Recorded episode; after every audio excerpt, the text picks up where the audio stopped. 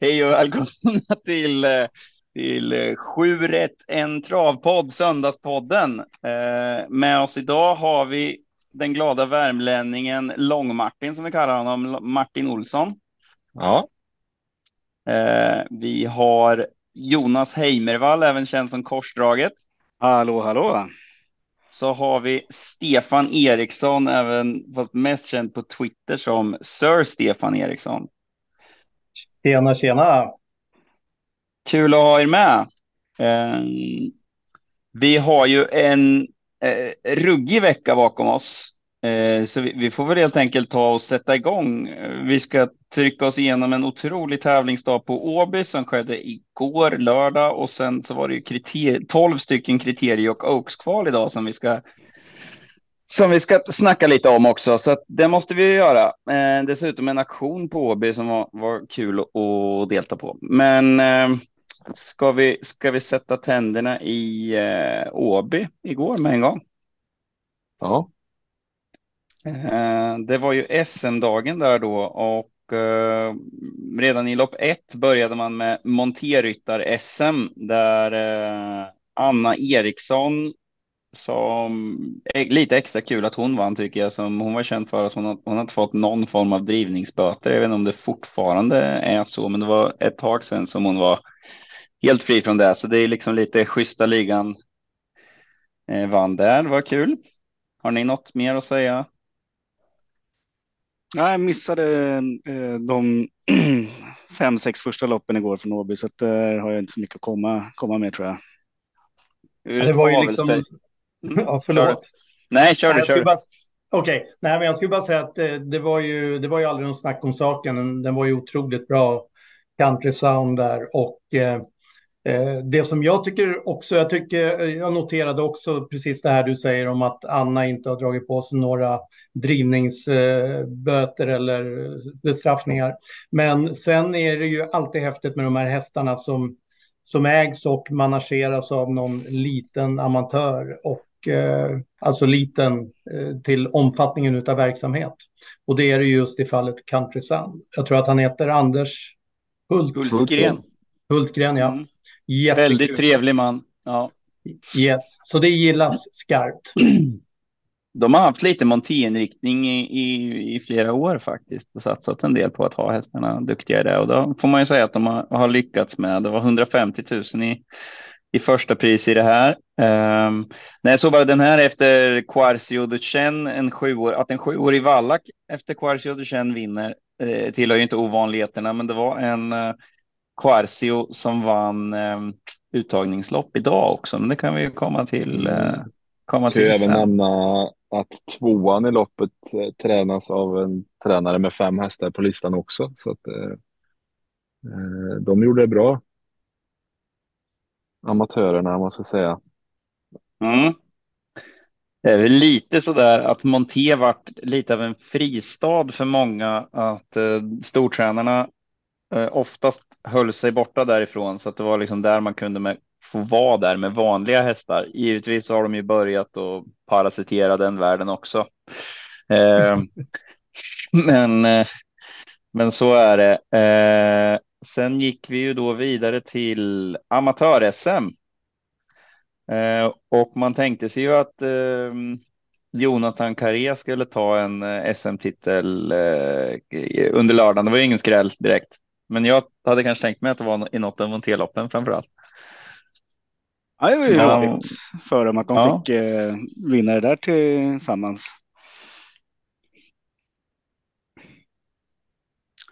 Verkligen. Ja, den var ju, eh, den var ju bra också, även om eh, allt såg ju upplagt ut för eh, Simb Tricia som eh, felade mitt på upploppet efter en smörresa i ryggledaren. Så det hade nog blivit hårt i mål om inte den hade tagit på sig galoppjucken där.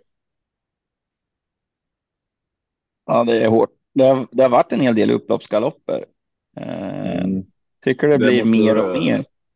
Det måste vara så hemskt för eh, alla inblandade när det blir så. Mm. och bara se segern nästan klar och så så snöpligt. Ja, hästen har ju redan gjort hela prestationen också. Ofta om man ja, ja, annars fått man en startgalopp eller något kanske. och så bara ja, jag sket dit och körde av. Ja, den är ju retlig, men du kan ju anmäla imorgon. Det är ju den bästa formen av galopp. Eh, men eh, alltså gjort hela loppet, var på väg mot segern och rulla över den är tuff. Alltså. Där kan man, väl ändå, gång man kan väl ändå tycka då att det är väl tur att det är en så pass etablerad eh, kusk i det här fallet som Anna Sedström. Eh, det kanske är lättare ändå att skaka av sig det och gå vidare än om, om det är någon eh, som kör betydligt färre lopp där chanserna allt mer sällan dyker upp liksom och så händer det där. Det kanske är once in lifetime. Anna kommer att vinna många lopp framöver. Även Ja, jag tror det. Eh, absolut. Eh, sen hade vi ju då det, det uttagningsloppet till Europaderbyt eller UET Grand Prix. Eh, som vi får se om, om Bobbe blir tokig om jag uttalade det fel när han ska redigera det här. Eh, men eh, vad heter det, som, som jag hade hoppats skulle ha legat på V75, för då hade jag, då hade jag spikat ett häst. Eh, Bedazzled Sox vann, eller spikat hade jag inte gjort. Jag hade i alla fall tagit med mig Bedazzled Sox, eh, vann före en, en väldigt fint spurtande Joviality. Och fick med sig Chantis Harvey och Bengan va, till eh, finalen ja, också. och eh, inte Corazon Combo, nej. Just Nej. vilken femma var snabbast? Det var den andra, det vill säga eh, Sisu-hästen där, Julia Sisu. Julia Cici. Ja. Ja. Två ston till eh, Europaderbyt då. Mm. Mm.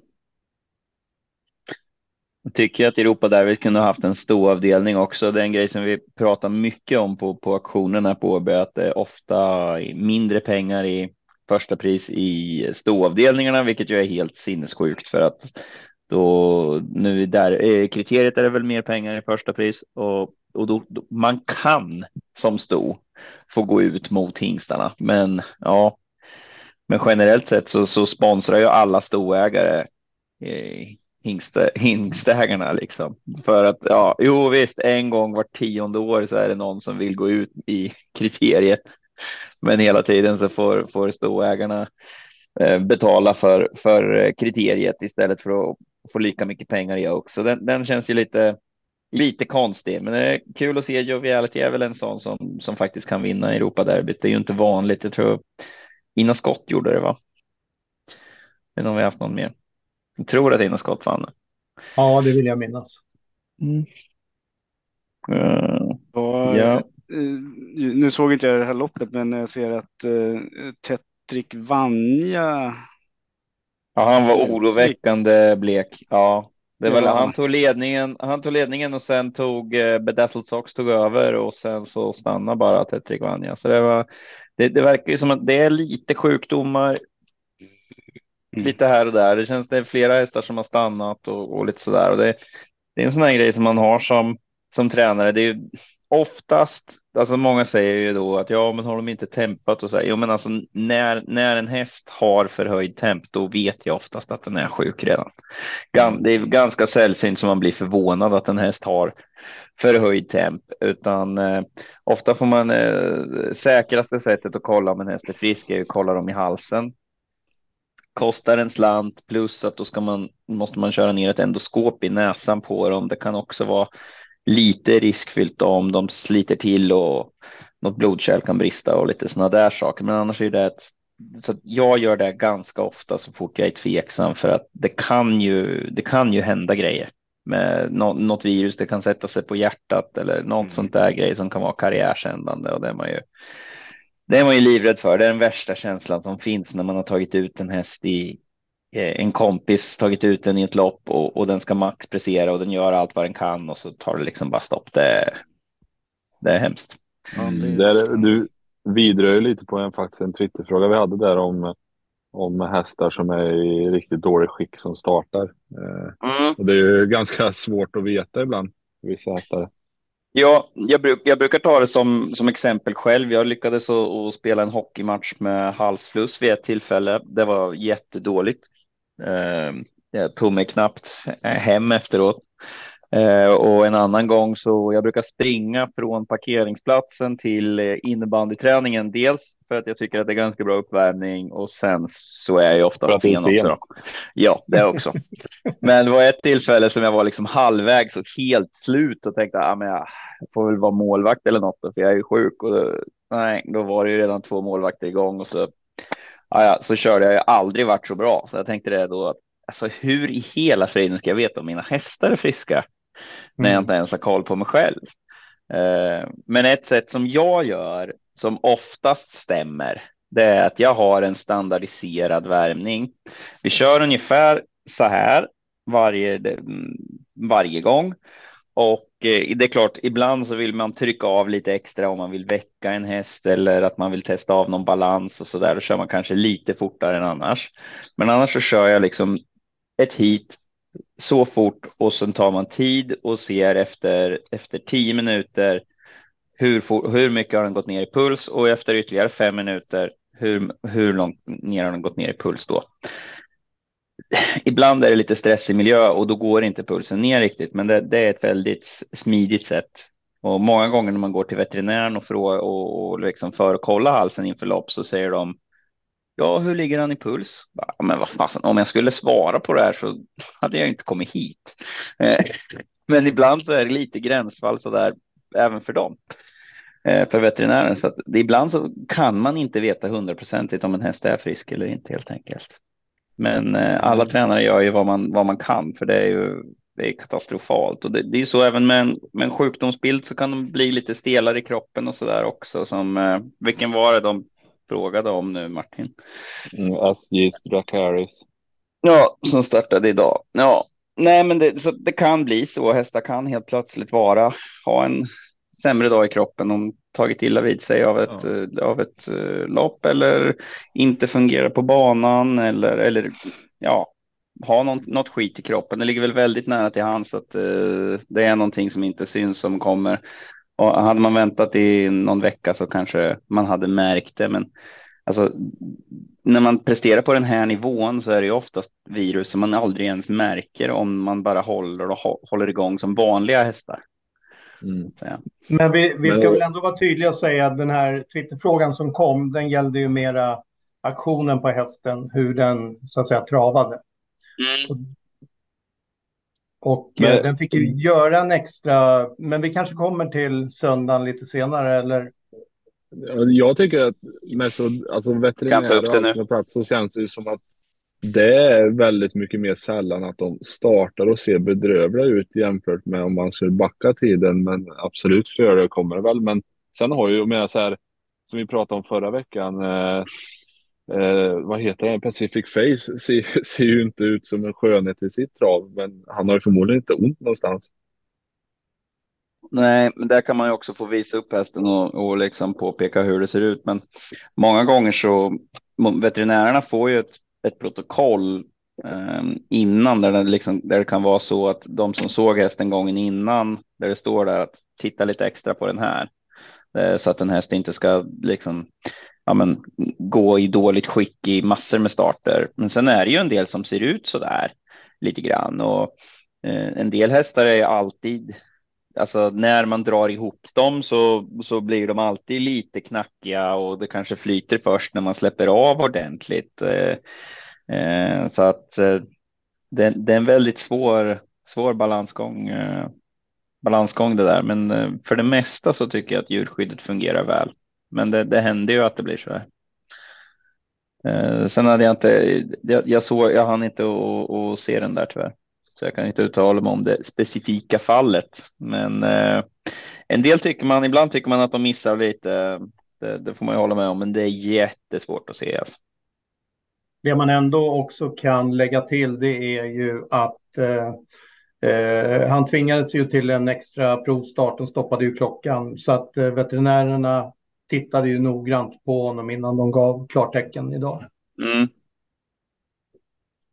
Där kan man tycka att, alltså för det mesta då, jag som kör själv, Um, det, det, var ju vid något tillfälle Dixie Brodda körde jag av med på, på Eskilstuna efter att ha gjort någon provstart och då ville inte veterinären se hästen eller någonting. Jag undrade lite varför, men för jag tyckte att det var ganska uppenbart. men eh, eh, nej, men hon funkade inte när hon kom ner under 15 tempo. Just den gången, det var faktiskt då vi upptäckte att hon trampade igenom faktiskt. Det har hon inte gjort förut. Alltså att hon slår i bakkotan eh, ner i banan när det, när det går riktigt fort. Det problemet hade hon inte haft innan dess. Eh, men, eh, nej, men då körde jag eh, bara av självmant. Eh, men där kan man ju tycka nu när det är, det är ju nästan så att det är ovanligt nu att tränaren kör själv. Eh, och det är ju så där att en del hästar kan ju kännas bedrövliga innan men sen vara helt fantastiska i lopp. Eh, och, och, så att man vet att ja, men de brukar kännas på det här viset. Det, det är ett normaltillstånd eftersom att jag inte låter dem springa i tio tempo och de vill göra det. Då, då drar man ihop dem lite och de blir liksom lite för korta och springer och slår ihop lite grann för att de är liksom så taggade och vill iväg. Eh, men en ny kusk kan ju tycka att jo, men den är nog bara så här, men det, det kanske ska vara en häst som känns som en Ferrari liksom redan i 30 tempo. Så där kan man ju tycka att åk bort till kurvan och visst visa den för veterinären, men prata med tränaren. Ja. Alltså när jag inte kör själv så är jag ju lite så där att jag ser någonting och så bara, men kom hit, jag vill prata med dig. att man det liksom... måste ju vara som vi, vi snackade om det också förra veckan med just när man har som eh, att man kör som tränare kör själv eller har samma kusk som Flash där att om man lär känna hästen bra måste ju vara också jättebra för, för, för hästarna. Att du, om du är ute och värmer eller prov, gör en provstart, du känner ju Dixie Brodda mycket bättre än veterinären. Och mm. då är det kanske inte alls så konstigt att du väljer att plocka av, men veterinären såg inget. Nej, precis. Uh, men, men det, det, där är ju, det där är ju jättesvårt för eh, och det är det en anledning till att jag gärna vill köra själv, att man får den känslan och sen så kanske man, man får lite info i loppet där också om någonting som vi behöver förbättra. Eh, men eh, nej, men att man, att man ska låta kusken kanske komma och prata med tränaren eller om nu är det ju inte alltid tränaren är på plats, men en tränarrepresentant och liksom bara säga du, det känns så här. Det är normalt, för det brukar jag göra när när jag kör åt någon annan. Då svänger jag förbi där och säger du, det här, det känns så här. Då kanske de säger, ja, men då skiter vi i och så åker man av och stryker. Eller så säger de, ja, men det är normalt. Gör en provstart till och släpp av en hund helt så ja, och så gör man det. Men, men som kusk är det ofta som att man sitter där och bara försöker att få det att fungera. Att man inte liksom, det är svårt att ta det här djurskyddsbeslutet. Många gånger så så liksom, ja, men ser man till att det funkar och har på vänster, eh, vänsterstången genom kurvan och så, ja, så funkade det och sen efter loppet så ångrar man att man inte strök och jag tror det är lättare om man har den dialogen direkt med tränaren. För det, det är också så att som kusk så känns det lite som att man sviker kanske tränaren lite när man bara ska prata direkt med veterinären. Dessutom när man inte har en aning. Alltså du kanske lärde känna den här hästen för tre minuter sedan. Brukar de vara så här? Jag har inte. vad ska, men, vad ska Ljuse säga där liksom? Bara, mm. inte fan vet jag. Oskar, ja. för att liksom skapa lite, lite hetta nu i den här podden. Eh, ja. Den liksom kultur du ändå beskriver, eh, är inte den kanske lite farlig för, för, för djurhälsan och hästvälfärden i det här fallet? För Nej, jag, eh, jag, jag tänker så här ja. att varje häst som startar som inte borde starta, det är ju en start för mycket. Mm. Alltså Precis. någonstans känner jag att du radar upp lite försvar för att det, man kan alltid hitta anledningar till att starta när det finns gränsfall. Nej, jag menar att jag menar att jag tror att man gör det, att man kanske, alltså kusken kan nog behöva den hjälpen att prata med tränaren för att fatta rätt beslut mer. Sen de här som kör så himla mycket, ja men jag tror de är ju inte rädda för det. Däremot tar du en lärling liksom, ska han komma och svänga förbi tränaren och säga hörru du, din häst är inte i ordning. Det kanske man inte ens mm. vågar liksom. Och sen så tänker man kanske många gånger i det läget också att eh, som jag gjorde fast när jag jobbade åt Åke Svanstedt och så körde man galopp och så frågade man varför galopperar den? Ja, den hade inte gjort det om du hade kört var ju svaret då givetvis. för, för det, det hade den inte. Men, Nej, men så kan ju vara lite sån självförtroende grej också. Men, men jag tycker nog att liksom åka och prata med veterinären. Ibland så är det väl i och för sig så att får man prata med veterinären, då kan man säga ja, ni, den här borde nog strykas. Om man liksom som kusk inte vill fatta beslutet själv så mm. kan man säga åt veterinären att fatta beslutet åt en. Liksom. Så att det är ju inte fel att man får åka dit, men, men kanske liksom svänga förbi, prata lite med, med tränaren och diskutera det för att alltså, det, det är ju ändå tränaren tycker jag i alla fall som är den som, som kanske har mest koll på just den hästen och kanske den som ska fatta beslutet. Och, Eh, så jag, jag, brukar nog poängtera lite till några så där att liksom hur hästen är. En del känns, alltså Ares Manos, honom kan ju blunda när han gör någon provstart. Eller skulle han se fantastisk ut, ja, det är, då är det bra såklart. Men han har känts, han blir bara så arg och så känns han bedrövlig och sen när loppet går så är det helt fantastiskt liksom. Eh, medans, eh, ja, nej men så summa summarum där så kan man väl tycka att eh, man kanske ska ha som krav att, att tränarna ska stå på ett ställe så att det är lätt eller en, en, en stallrepresentant ska stå på ett ställe där det är väldigt lätt för kusken att nå dem nära grinden så att de kan komma in på banan så att man kan vifta till sig dem och säga vi, vi bör nog diskutera det här. Är det här bra eller är det här normalt för den här hästen? Eh, liksom han hänger vänstertöm och då är det, ja men den gör alltid det. För en del hästar försöker, vill alltid springa av banan när de är ensamma. Och då kan man säga det, ja men det är normalt, han kommer inte göra det sen i loppet. Eller ja, så har han aldrig gjort förut. Eh, och sen kan det ju många gånger bli att ja, men gör en provstart till och gör det, gör det ihop med en häst och se hur, hur han är då. Men, men, eh, men jag tror att man skulle komma ganska långt med, med den förändringen faktiskt.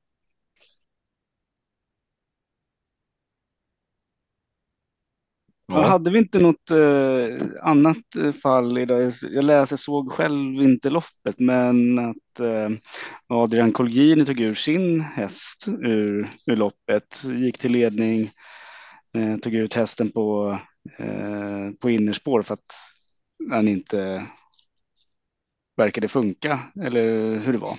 Mm. det är snyggt. Eh, ja, precis, och, och, sa att det var den första gången då som han har eh, kört den här hästen i ledning och att det uppenbarligen inte funkar och att hädanefter så är det rygglopp som, som gäller för den här. Um, okay. Jaha, jag trodde han menade att jag kände att någonting var fel på hästen. Ja, men, eller, ja, men att den helt enkelt eh, stannade. Det ska... Ja, det var ju Countess Face. Just det. Mm.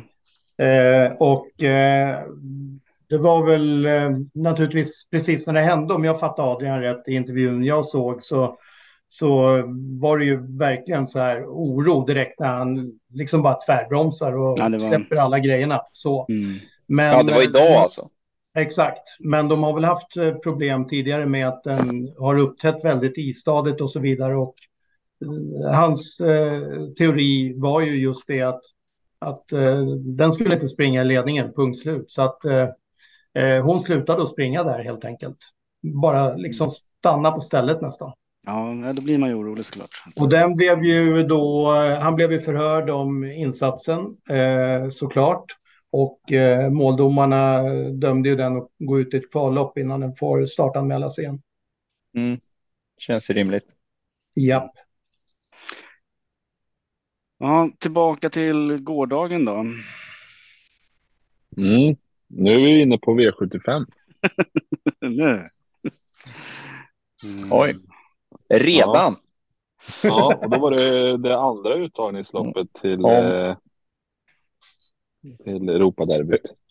Jag tror inte att lördag hela veckan eh, vet om det ens, men vi har ju en liten fight med dem.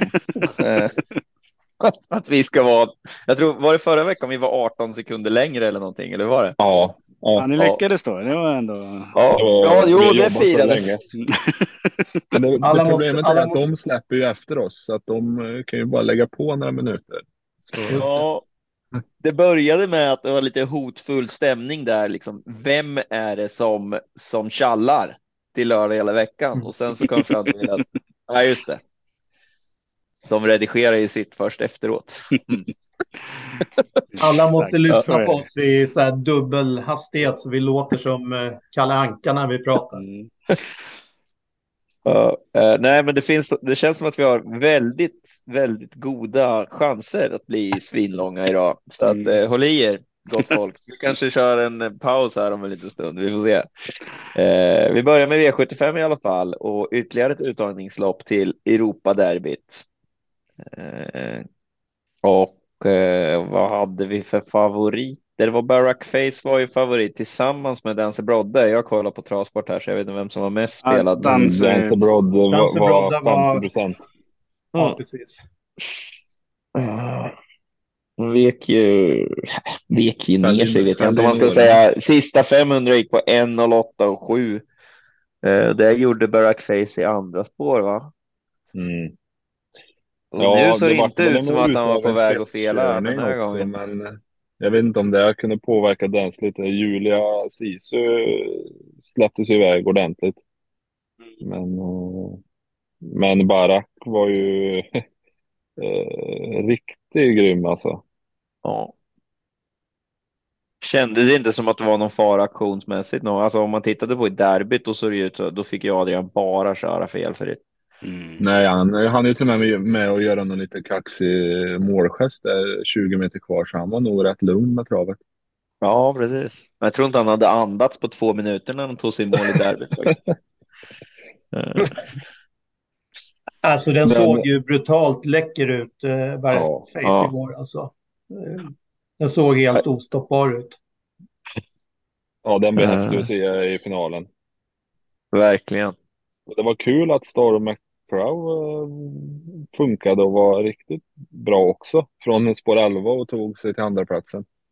Ja, verkligen. Vi, vi sa det, det var kul om man fick till ett ordentligt. Han har en andra plats i, i Sprintermästaren sedan tidigare. Får väl lite bättre spår nu.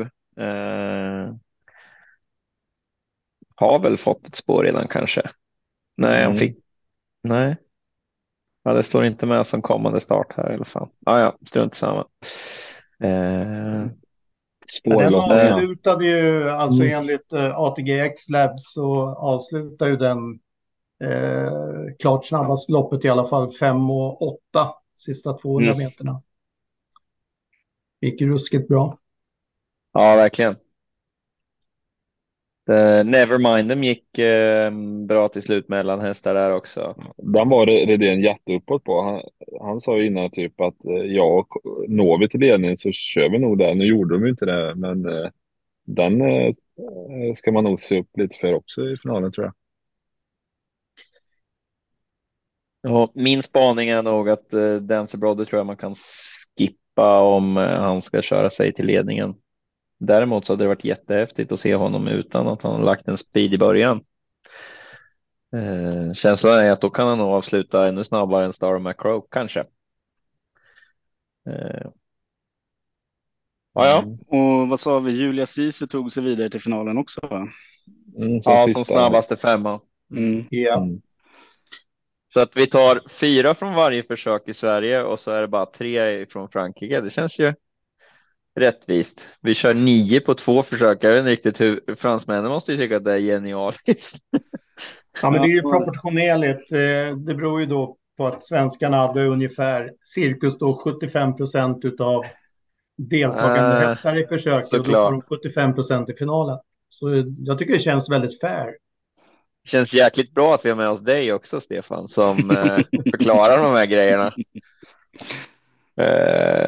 Eh, Sen går vi vidare till det som väl var V752, va? lopp 6 i alla fall, Monté-SM. Då började Robert Berg show. Ja, just det. Eh, mm. Och eh, min spikrads eh, första rätt, LL Royal. Alltså, det var ett häftigt intryck på den. Vad var han? Gick 1.02 första 200? Ja. Ruggigt. Ja, den här tittade jag faktiskt på i efterhand. Det var, det var riktigt, eh, såg riktigt bra ut och, och eh, nej, det, om han får fortsätta tävla eh, under sadel så kan det bli nog roligt. Jag vet inte om de hade pratat om att de skulle skicka ner dem till Frankrike eller om det var en, för att göra det. Men, men jag minns inte. Men det, ja. Känns det som att det ligger nära till hands i alla fall. Mm. Ryckte de tussarna? Ja, de, fick, de hade lite problem att få i dem sen också. Men, eh, I och med att hon sitter på så blir det ju inte så farligt. De blir inte så bakrädda då. Liksom. Det är lite värre när de är, blir bakrädda, som, alltså när de blir så bakrädda så att de är helt okontrollerbara. Då, eh, ja, mm. då blir det jobbigare. Det är som när vi har provat att rycka huvan på, på Dixie Brodda. Det, det, hon kommer att skjuta fart den gången jag vågar göra det i lopp. de frågar hur gick det? Ja, på så sätt att vi, vi inte fastnade i, i vildstaketet så gick det bra. Eh, på alla andra sätt så kan man säga att, mm. att det var banrekord kan vi konstatera. mm. eh, nej, men eh fortsatt monté, lite montéäventyr i Frankrike för den hästen eh, känns ju inte långsökt, men man kan ju inte säga han har ju gjort det otroligt bra hela tiden. Han är ute i V75. Ja, Alltså hur många raka V7-starter är det här? Han var, han var ute i Jarlsberg, men jag misstänker att det var deras V7. Ja, eh, det här pratade de om i någon av de andra poddarna i veckan och det var ju typ så här 27 raka V7-starten tror jag. Ja, det var helt vansinnigt alltså. Mm. Det är ju snart Harry Hateful Sweet ja. vi pratar om. Ja, nu är han ju uppe i guld också. 2,1 ja. miljoner tjänat. Så att det, kän, det känns väl. Det som är värt kanske att kommentera här som det var lite surr om efteråt, det var ju, och vi snuddade väl kanske vid det här också förra söndagen, men eh, den hade ju aldrig startat i Monté tidigare. Men propositionen var ju ändå omgjord tills i år att hästarna även då i hög klass var tvungna att ha gått ett eh, Monté-kval. Mm. Vilket han hade gjort. Och jag tror att det var Kere som eh, red i kvalet. Och mm. eh, där reds han ju så pass, liksom citat, tävlingsmässigt, slutcitat, som möjligt ändå. Eh, så det var ju ändå bevisat någonstans att det här skulle kunna eh, funka och bli riktigt bra. Den var ju inte liksom helt osynad. För jag såg Nej, lite besvikna spelare på X igår som tyckte att det var ju för jävligt att ett spel som omsätter alla de här miljonerna och bla bla bla.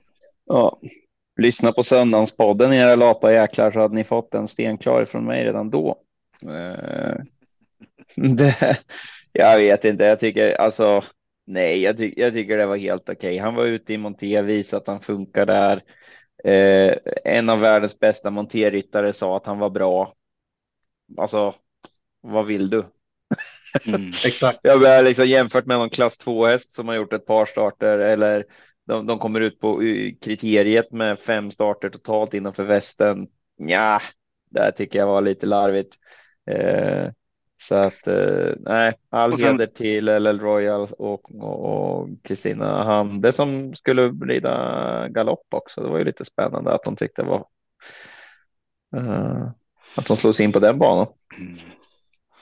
Och sen eh, hästen var väl ändå tredjehandare på, på spelet också så att det var väl eh, om inte annat kunde man om man inte hade koll på något annat kunde man ha gått på det kanske. Det... Ja.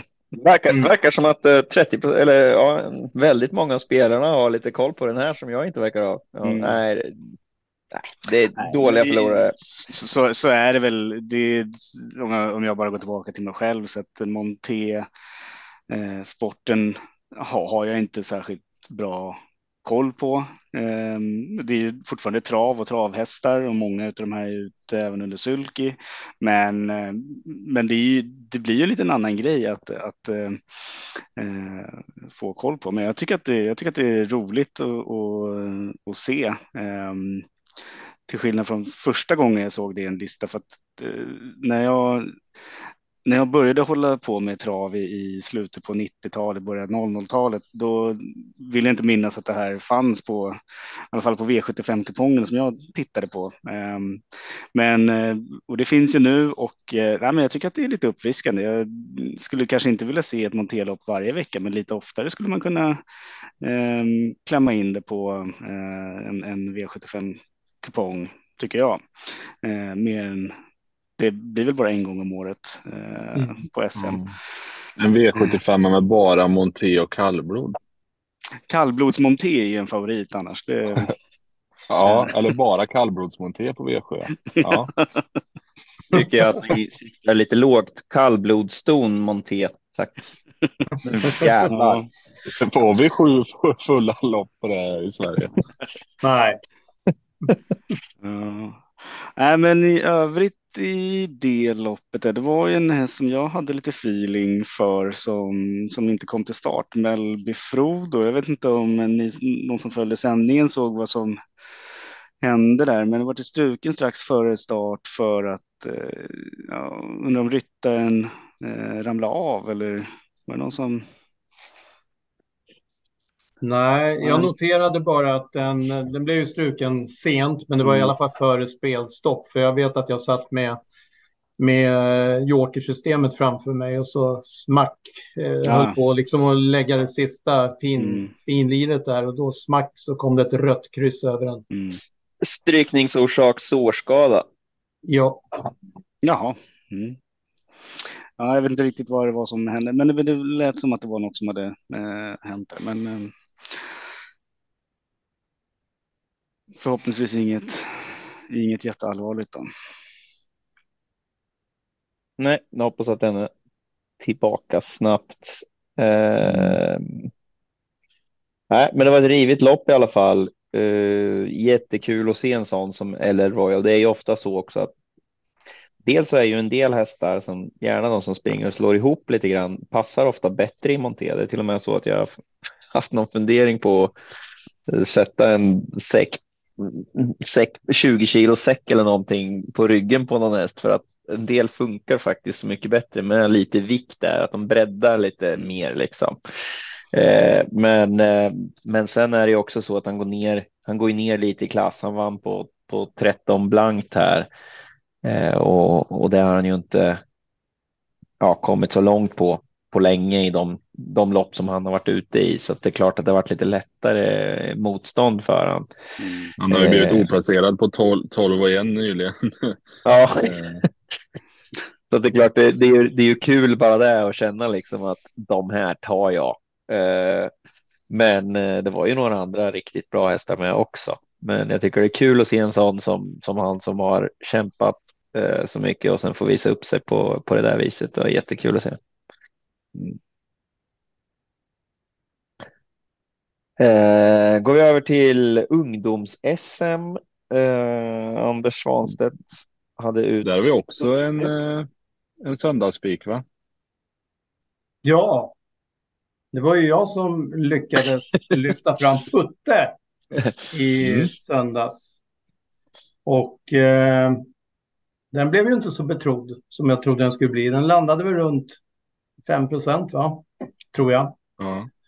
Eh, det var ju... Eh, ja, det som var bra med det, det, var, det här var ju verkligen en riktig kuskseger, tycker jag. Alltså Tom körde ju ett helt optimalt lopp. Eh, satt ju invändigt och eh, väljer ju efter ungefär 700 meter att gå ut i andra spår i ett läge där många sitter kvar. Men jag tror att han hade ju feeling för att det skulle bli trött häst framför eh, och det var ju helt rätt där han går ut. Och sen tycker jag dessutom att han går på i helt rätt läge sen i, i tredje spår. Det var liksom varenda litet beslut han tog i loppet var, tror jag var helt vinstavgörande. Mm. Var det inte en väldig körning här i det här loppet med Gustav Johansson och någon mer? Jo, det var det. Det var väl eh, Gustav och Eh, Seb? No. Nej, kanske. Var det inte Galliano Peak? Med, nej, jo, det var inte. Victor, jo, Victor. Osleff hade ledningen efter 500 i alla fall. Ja, och de körde ju typ, jag tror paragraf de till ledningen efter typ 600-700 meter. Just det. Så var det nog. Det var nog de två som körde mot varandra. Ja. Var det... Och allt blev fel för uh, uh, Great Time, time Trot. Den vart ju, vart ju hängandes. Ja. Sen så också... trodde jag kanske att han skulle, ja, svårt att säga när han fick det loppet, men jag, jag, jag trodde rätt mycket på. Det, det här var en sån här som alla chasade i veckan och jag kände så här, nej men han, jag tyckte han var så här, nej det här är en riktigt bra häst. Så jag, jag stod lite i den andra hörnan att jag tyckte att han var befogad favorit, men ja, nej, han fick ju, fick ju allt eh, fel. Så. Ja, för att trycka lite på debattknappen här också så det var ju också så här rätt tröttsamt snack i veckan om att ja, eh, vad heter det, Magnus Djuse borde inte få vara med här. Han är liksom, han är för bra. Han ska inte få vara med i ungdoms-SM. Eh, mm. Och det är ju också ett jäkla snack. Jag menar, är det nu ungdoms-SM så är det ju baserat på ålder, punkt slut. Det är ungefär som att Sverige i junior-VM i hockey inte skulle plocka in eh, NHL-spelare som fortfarande är juniorer. Ja. Eh, så, så jag blir så trött på det där snacket. Och Nej, det menar... blir nästan snacket åt andra hållet, att man blir arg för att vadå, ska inte de få vara med? Ja, exakt. Och jag menar, det här visar ju ändå hur små marginaler det är i travet i, i toppskiktet. Jag menar, nu satt ju han bakom det som rimligtvis borde varit bästa hästen. Och han är ju rimligtvis den bästa kusken i det här gänget. Men det är inte detsamma som att det är en stenklar vinnare på något sätt. Nej, och där ser man väl också hur liten skillnad det är. För jag menar de här som kör i det här loppet, de är så pass bra så jag menar sätt upp dem på samma hästar som Ljuse kör eh, i en vecka så tror jag att de hade vunnit rätt så många lopp också. Alltså så stor skillnad är det inte. Det är ju inte så att de här inte hittar runt liksom. Eh, sen tycker jag att Ljuse är en jätte, jätteduktig kusk som har kört väldigt mycket galopp på slutet senaste ja. veckan. eh, för övrigt, men det tror jag det är nog en tillfällighet. Nej, men han är ju svinbra såklart, men skillnaden är inte så milsvid. Jag menar liksom de andra är jättebra också, utan det handlar väldigt mycket om att, att få dem och få chansen att köra så bra hästar som, alltså, som det handlar om. En annan som kvalar in två stycken till kriteriet idag var Gustav Johansson han körde väl inte så jäkla begåvat i det där loppet tycker inte jag. Alltså 11-8 större delen i andra spår i, i det där racet hade man väl kunnat räkna ut att han inte skulle bli bättre än sexa. Men mm. idag så kvalar han in två stycken till, till kriteriet och är mm. givetvis jätteduktig. Men mm. han kör inte bättre än alla de här andra i det här loppet i varje lopp. Nej. Även om man kör jätteduktig eller kör, kör bra jätteofta. Så att, eh, kuskarna är nog generellt lite lite väl mycket superstars uh, tycker jag och jag tror att man, man fokuserar väldigt mycket på kuskarna för att det är ganska tacksamt att göra det. ja. Ja, anledningen man ofta fokuserar på kuskarna är ju lite att man kan ju få en liten hint om vilka som är de bästa hästarna i loppet, för de har ju ofta satt upp de där kuskarna. Så det är väl ofta det därför snacket blir så. Mm. Eh, kul detalj ytterligare med vinnande Tom Johansson, det är att det är första gången han kör ett V75-lopp. Så att eh, han kan ju dra sig tillbaka nu, obesegrad på V75. Häftigt. Du är mannen med detaljerna alltså. Jag gillar det. Uh, ja, verkligen. Eh, nej, men om man, om man ska prata om det där med att man inte tyckte att eh, det var någonting för Magnus och Mats Djuse och kanske och Gustav Johansson och kanske det här loppet så är det väl lite att det är väl inget mästerskap så där egentligen utan det är ett roligt lopp och där tycker man kanske att de som är lärlingar så att säga eh, skulle få skulle få chansen. Eh, men eh, men jag förstår, jag förstår bägge sidor. Har man någonting som heter ungdomshästen, då är det klart att då ska väl de, de bästa som, som är under en viss ålder få vara med. Jag tänker så här också, förlåt att jag inte släpper det här, men jag tänker så här också att eh, för Tom då igår, eller vem som nu än hade vunnit det här loppet, så om man nu tänker sig att de då bästa bröderna Ljuse och Gustav Johansson kanske hade varit utestängda från loppet, då hade ju inte Precis. segern varit lika mycket värd. Då hade ju alltid snacket funnits kvar att ah, ja, det hade du nog inte vunnit om, om Magnus Djuse hade varit med. Precis. Så att jag tycker det är glasklart att är det ett ålderskategoriserat lopp, då ska alla kuskar som är inom det, det åldersspannet vara med. Absolut. Uh, ja, och jag tror precis. Tom är nog mycket gladare när han vann mot dem där. Jag vet själv i slutet av min lärlingskarriär så tyckte jag inte ens att det var kul att köra lärlingslopp för jag ville ju slå jag ville ju slå Adielsson eller framförallt så ville jag slå Stigå som var min stora idol, vilket jag aldrig lyckades med. Eh, den rackaren sa när jag var skitförbannad när jag hade torskat med nos någon gång bara, men inte den här gången heller, sa, sa jag. Så, ja, det kommer Oskar, det kommer. Och sen två veckor senare så drog han sig tillbaka. Men vad fan. det var därför han drog sig tillbaka. Precis, han, han märkte hur nära jag började komma där. nu, eh, nu, nu, Söndagspodden kan avslöja. Därför la Stig och körhandskarna på hyllan. Precis. Får jag nästan stryk av den där? Nej, Erik, du får köra alla hästar. En, en fråga från mig, nu var inte det här eh, något lärlingsloppet, det kommer vi till senare, men finns det något eh, hur länge kan man vara lärling? Finns det några riktlinjer eller regler kring det där? Ett tag så var det i princip inte det och det var ju då när Ingves och gänget liksom körde lärlingslopp och det är väl lite det här med lärlingslopp och V75 och sådana här ungdomslopp och sådär. Mm. Jag tycker väl inte att det ger så mycket för det enda som händer är ju att det är de här ja men de bästa lärlingarna där, men de får köra i lärlingslopp och sen får de inte köra annars. Mm. Eh, så visst, det kan ju finnas en viss poäng med det, men jag tycker väl att vi kanske mera ska ge någon form av fördel att de får köra hästar med mer pengar på eller någonting sånt där mot alla kuskar. Tänker för, fördel ston, fördel lärlingar typ. I sin ja. ja, precis.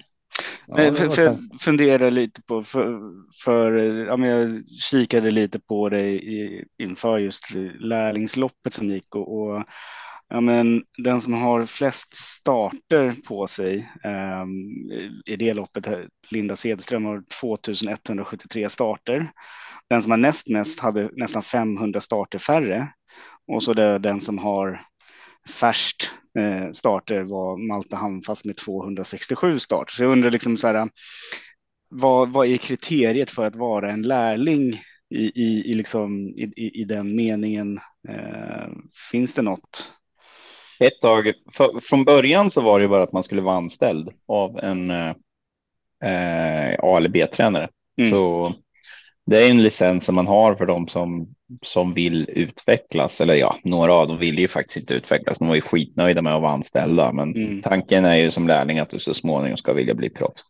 Nu har de ändrat, eh, nu har de ändrat det där. Oftast så är det ju eh, baserat lite på har de oftast någon ålder. De har ju tagit bort de här med lärling och amatörlicenserna egentligen, utan nu kallas det ju B eller K-licensinnehavare och så kan man vara anställd av A eller B-tränare. Och oftast i propparna numera så, så står det ju någon form av åldersbegränsning. Men ett tag var det ju rent, eh, alltså jag fick ju, jag tampades ju med någon 65-årig lärling vid något tillfälle, liksom, kommer jag ihåg. eh, men eh, numera så så brukar det vara no i de flesta loppen i alla fall. Jag vet inte om de hade, hade de någon åldersbegränsning i det här. Tveksamt. Va? Jag vet inte alltså, hur, hur gammal är var de ju, Jo, men det är ju givet. Ju, ja, precis. I, det, alltså så här är det ju nu att precis som du säger Oskar så eh, de här K-licenserna det är ju liksom en körlicens och den finns ju i två kategorier. Eh, antingen så Eh, så, eh, så ska du ha kört 100 lopp de senaste fem åren. Eh, och annars så kan det vara att du bara har en. Men däremot sker ju regleringen nu mer i allmänhet då i propparna, precis som du är inne på.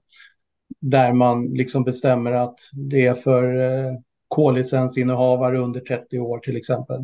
Eller ja, det anges ju alltid med ett årtal, Du ska vara född senast eller tidigast och så vidare. Så det är ju tydligare styrt idag att inte ha med Peter Ingves i ett lärlingslopp utifrån hur proppen är skriven. För Peter Ingves, nu har ju han ett uppehåll just nu så det kanske är dåligt att vi tar honom som exempel, men han har ju samma typ av K-licens alldeles säkert som Tom Johansson har till exempel. Men på grund av eller tack vare hur propparna skrivs så kan inte han köra den här typen av lopp. Men Waldmüller till exempel, Marcus Waldmüller som väl ändå måste vara i 40-draget någonstans, han körde ju lärlings-SM igår. Mm. Väl, eller ja, precis.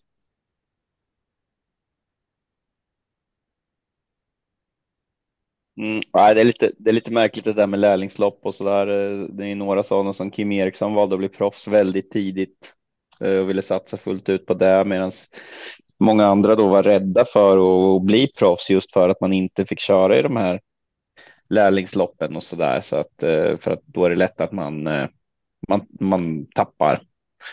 Ehm, så att det blir lite väl mycket att i och med att ja, men då är man rädd för att ta nästa steg för att man inte får köra i de loppen längre. Så det blir, ah, det blir lite konstigt hela det här systemet. Jag tycker nog att man kunde få ha fördel baserat på hur många lopp man har kört och när du har kört eh, tusen lopp då får du nog klara det själv. Eh, känner jag. Eh. Jag var tvungen att kolla upp när Waldmüller var född. Han är mm. född samma år som du, Oskar. Jaha, han är 25 ja. alltså.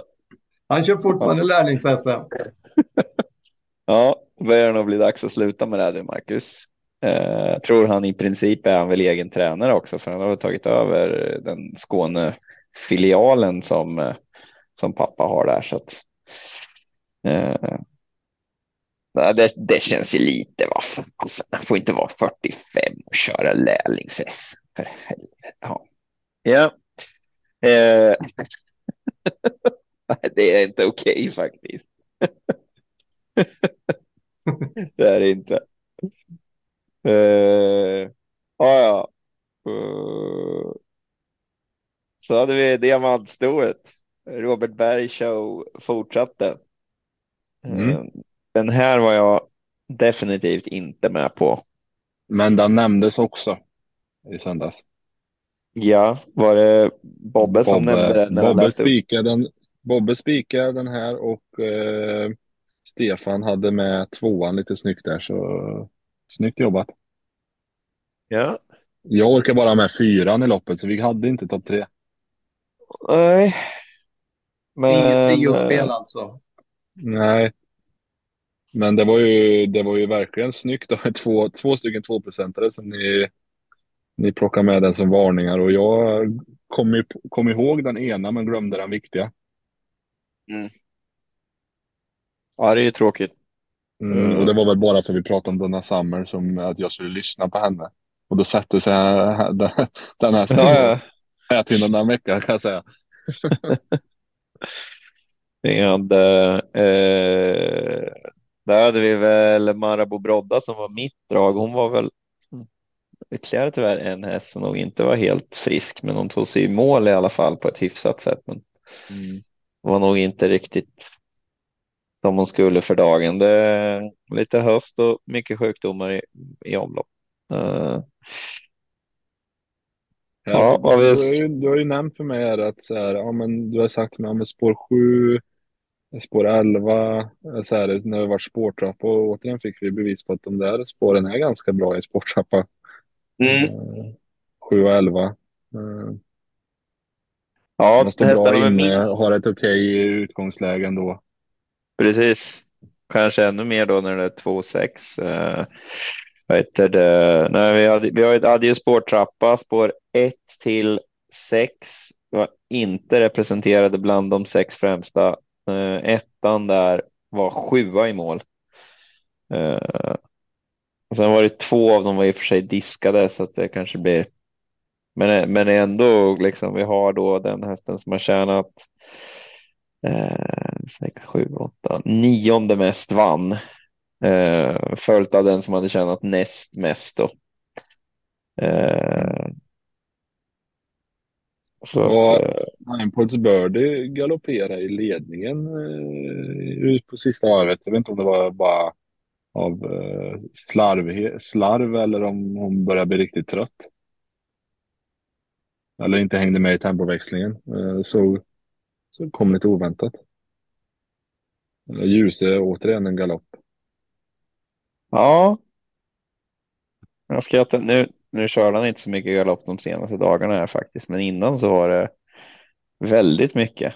Eh, jag skrattade lite åt det när jag kom upp till Eskilstuna och så ropade de ut att eh, tror det var då. Nej. Ja, ropade ut han som diskade där eller potta. Men jag sa, vad fasen. Jag undrar om Ljusa har varit så himla bra så länge så att det finns liksom inget bra kvar. Han är slut. Men eh, så var det såklart inte. Mm. Uh, ja, vad har vi mer att säga om det här loppet? Uh, ja, Donna Summer avslutade väldigt bra.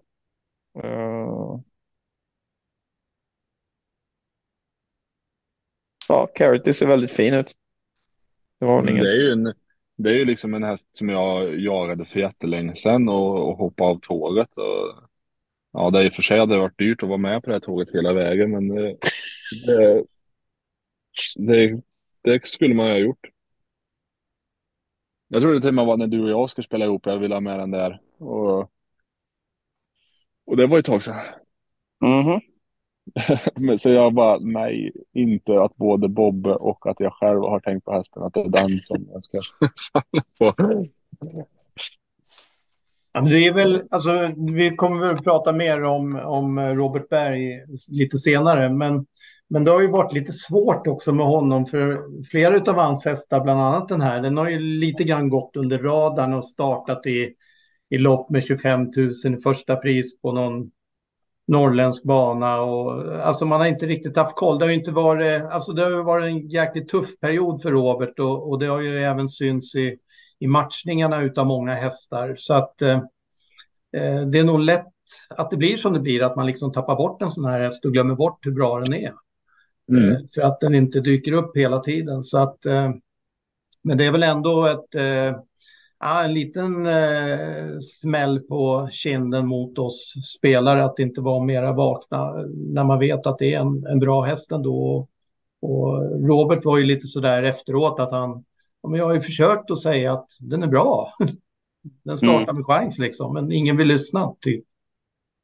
Nej, då är det lättare att, läsa Adrians tips där. Han är ju lite mer offensiv. Mm. Alla tränare har ju inte riktigt samma upplägg när de värdera chanserna. Eh, jag skulle själv ha, tycka det var väldigt mycket att sätta press på sig själv om man stack ut lika mycket som Adrian gör kontra vissa som kanske ändå säger att oh, men den är bra men eh, vi får platschans typ. Skulle det kännas skönare att ha, ha den, eh, lägga den intervjun och säga att eh, nej, vi vinner hur rätt som helst. Men det där är väl, du har ju helt rätt Martin, men jag tänker det här är ju också någonting som är en viktig beståndsdel som spelare. Det är ju att lära sig att, så att säga, tyda och tolka och värdera eh, intervjuer med eh, tränare. Ja, får man ett sånt klartecken av någon man vet brukar eh, ligga väldigt, nästan vara lite för lågt på sin hästar så skulle den säga, jag tror vid segerstider, då vaknar man ju rejält. Jo, Nej, det, jag, tror, jag tror att om man ska få ut något vettigt så tror jag att man ska gå och gå på uh, Per Skoglunds och som, som jag har velat göra det hela tiden också. Bara säg bara vad du tror att hästen är i för form. Uh, om, om tränarna hade varit så jäkla bra på att värdera motstånd och hur bra vinstchans man har, då skulle man ju vara spelare istället. Det är så jäkla mycket smidigare jämfört med att jobba hur mycket som helst och slita och grejer. Alltså, det är helt ointressant vad man tror man har för vinstchans. Hur bra tror du hästen är jämfört med senast eller ja, några gånger tidigare? Ja, men ja, jo, jag tror han kommer att göra sitt livslopp, men nej, det är ju kört. Vi har spår 12 och mm. ja, en del ger ju bara upp och surar ihop för att de får ett dåligt spår ja. liksom. Och sen, ja. Eh, Nej, den där faktorn att säga hur bra hästen är ju, är ju svinbra för det är ju egentligen det man egentligen behöver veta som spelare. Okej, okay, han kommer vara två pinnar bättre av tio mot senast och senast var han svinbra. Okej, okay, mm. och vad möter han idag? Och så får man väga in det. Mm. Jag brukar faktiskt till och med vägra att svara. Det bara, men det är ert jobb att säga hur bra vinstchansen var. Det, ja, det, tycker jag, det tycker jag du gör helt rätt i. Och det är ju det är väl samma sak, eh, en sån här käpphäst som jag har. Eh, alltså, jag fattar egentligen inte de tränare som eh, uttalar sig om taktik. Jag menar, det måste vara den enda sporten i världen när man talar om för motståndarna innan vad man ska ha för taktik i loppet. Sen fattar jag att ibland kan det vara bra kanske att om man har en, en bra häst och, och säger väldigt bestämt att Nej, men jag tänker köra i spets, liksom. det kan ju kanske göra att du får köra två och en halv sekund långsammare på varvet. Men, men generellt alltså att avslöja taktik, det tycker jag är jäkligt märkligt. Och det tycker jag också att man märker på den här, eh, ska vi säga den yngre generationen, topptränare, toppkuskar. Eh, de, eh, de är mycket mer återhållsamma med det. Mm. Ja, nej, jag håller med. Alltså, man skulle som om jag själv körde lopp så skulle jag ju verkligen inte vilja berätta hur jag har tänkt att vinna loppet.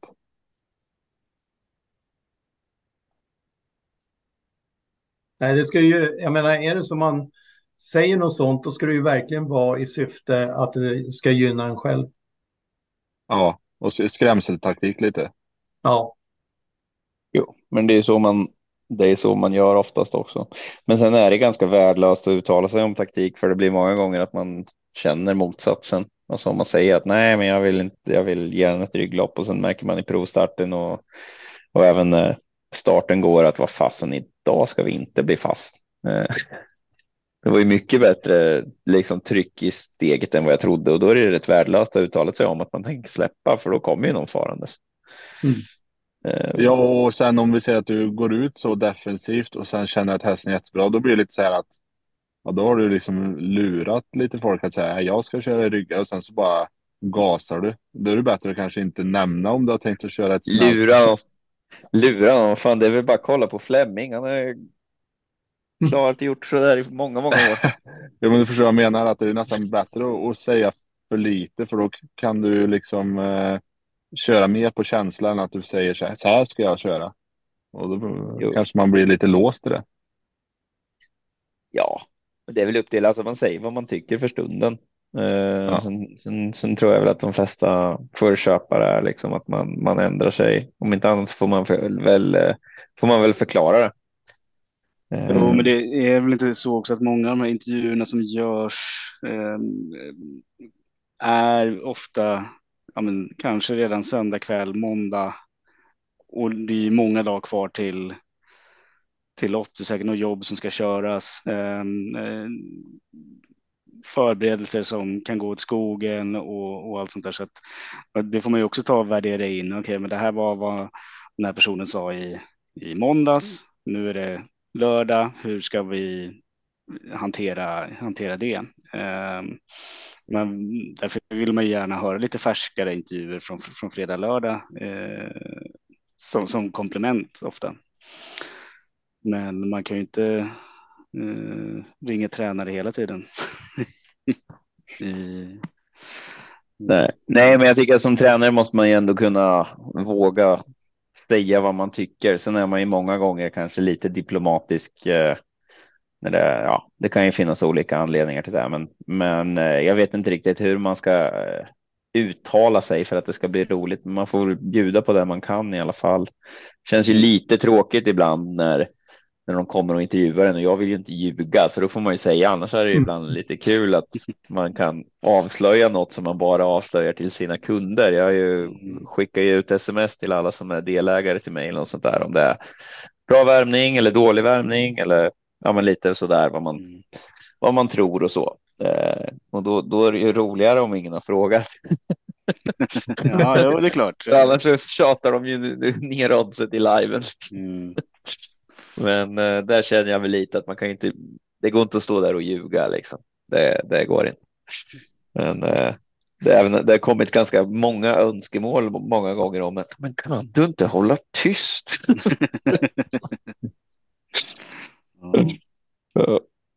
Eh, sen hade vi loppet med två vanliga sulkar och tio jänkarvagnar också känt som lärlings-SM. Eh, som ett kolmårdstroll i exil, Oskar Flored, vann eh, åt sin arbetsgivare Daniel Weislen, Kingsley Pellini. Den, eh, den var rätt bra faktiskt. Äntligen får man ja. säga det va? Det... Mm. Den här var ju också Bobbes i, i söndagspodden. Jag vet inte hur vi inte kunde fått sju rätt någon av oss.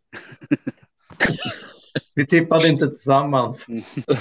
Nej, mm. jo men vi gjorde ju det. Bobbe har ju, gör ju söndagssystemet. Han, men den eh, dribblade vi ju bort oss på Danse Brodde som vi var så inne på i söndags. Det var väl därför. Mm.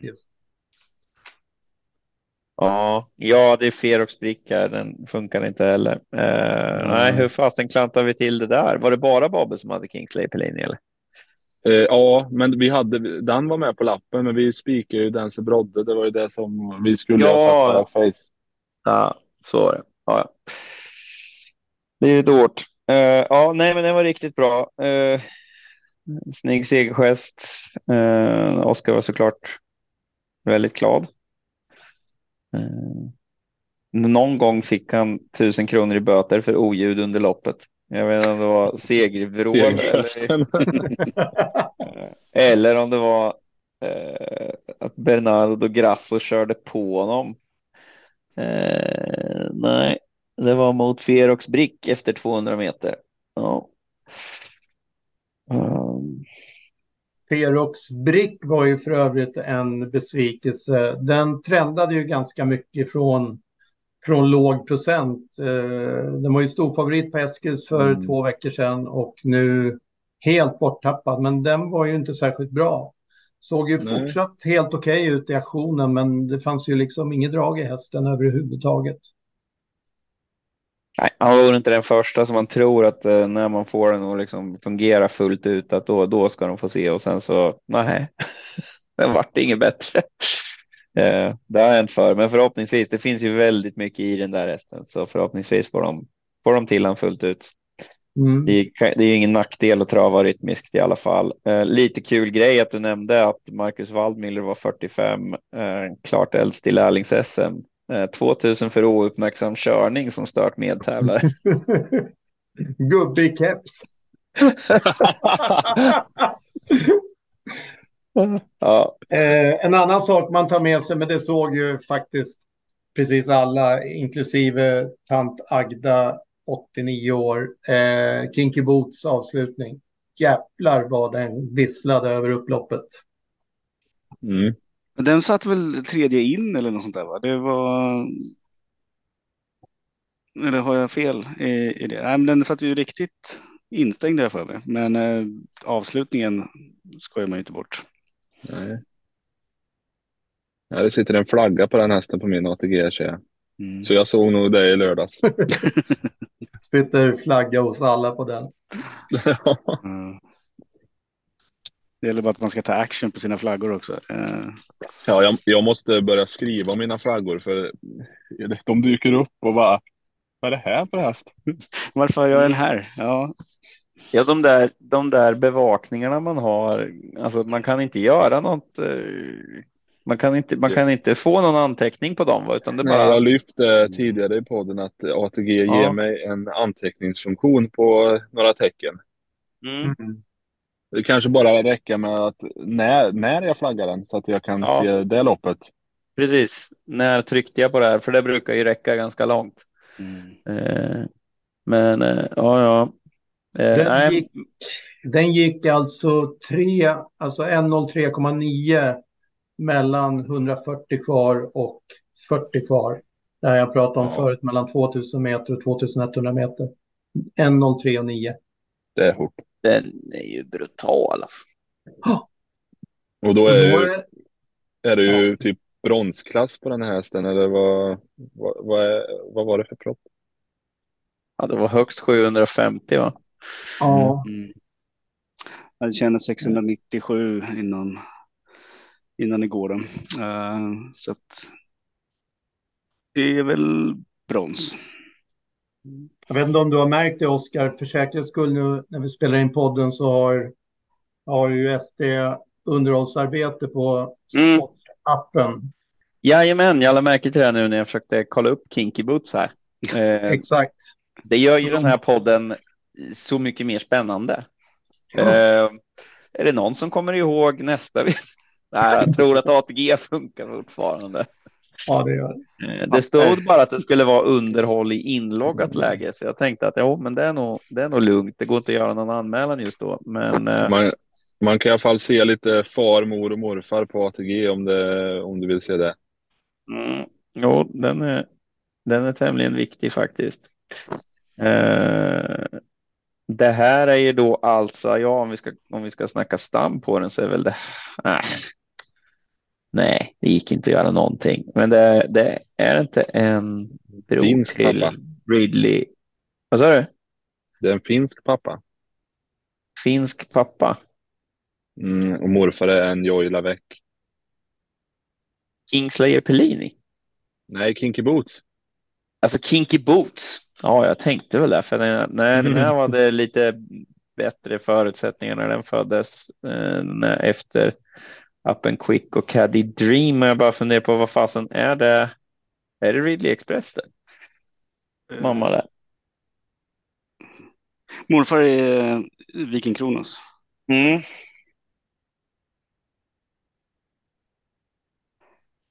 Mm. Det, var, ja. det, var, det var underhåll för mig också på, på sportappen. Om du Ja, jo, det är nog på alla, men det skulle bara vara i, i, eh, i inloggat läge, så nu blir vi lite irriterade. Men tydligen så kan jag se resultaten i alla fall fortfarande, för sen kom ju det som kändes som det sportsliga höjdpunkten nästan för för eh, min del ändå. Alltså jag älskar ju Great Skills. Ehm, fantastisk häst, vilket intryck på den. Ja, herregud. Spår 11 betyder ingenting. Det var bara bättre odds. Mm. mm. Ja, vad gav hon på sträcken till slut? Det var ju...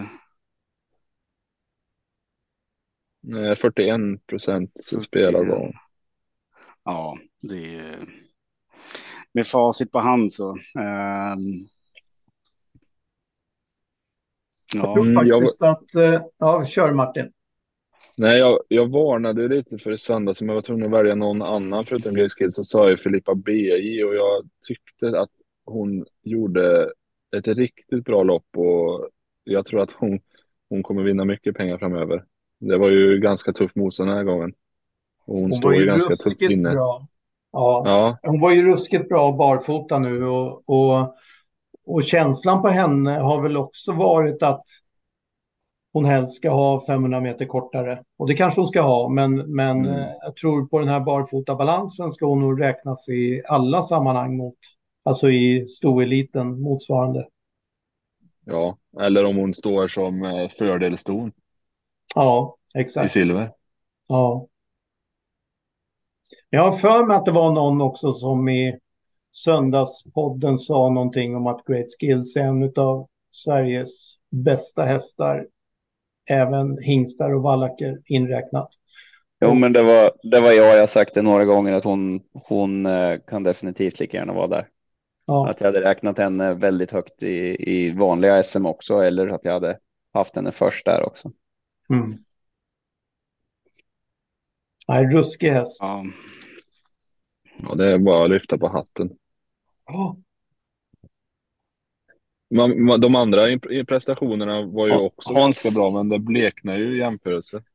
Mm. Upp, upptränade, började väl sin karriär eh, inte så långt bort ifrån Stefan för övrigt, för det var ju faktiskt Hans-Ove Sundberg som, eh, som eh, tog fram en, eller ja, hon föddes ja. ju, alltså, det är alltså Ready Cash på Pro S Kronos, alltså den här, ja, hon föddes ju en superstar och sen är det bara frågan om hon ska bli hur otroligt bra hon ska bli beroende på vad man gör sitt jobb som tränare. Men Hans-Ove var väl en av de sista grejerna han gjorde. Jag kommer inte ihåg, var det som efter treårssäsongen var han lämnade? Ja, Hans-Ove tränade henne när hon var ute i Oaks. Mm. Eh, och eh, sen så eh, gick hon ju till Daniel och det var ju han som tränade när hon vann eh, Storchampionatet. Mm. Får vi se om det blir någon avkomma efter Don Fanucci sett framöver då? Nu fick hon ju en... Eh, ja, det var ju pris... En, eh, ja. Jaha, varför då? Av, det var ju del av priset ju. Mm. Ja, ja, ja. Ölavgift. Ja. Ägaren erhåller en levande fölavgift, så just det, men de kan använda den på en an, ett annat sto, men de får inte överlåta den. Eh, men, men det är väl han, vad heter han, Rolf Andersson, heter han så? Brobyggnads AB. Alltså, det är ju eh, samma ägare som, eh, eh, ja men fan, kom igen nu Stefan. Eh, som har hästar hos Nurmos, alltså de här superhästarna som har varit så bra. Med röda ja, adressen. Ridley, eh, Ridley, va? Ridley Express, exakt. Så att eh, han kan nog välja hingst ändå tror jag. Ja, han behövde inte. han behövde inte ha det i pris. Nej, det var, det var väl många här som säkert hade haft många hingstar som står i kö även om man vinner det här priset. Mm.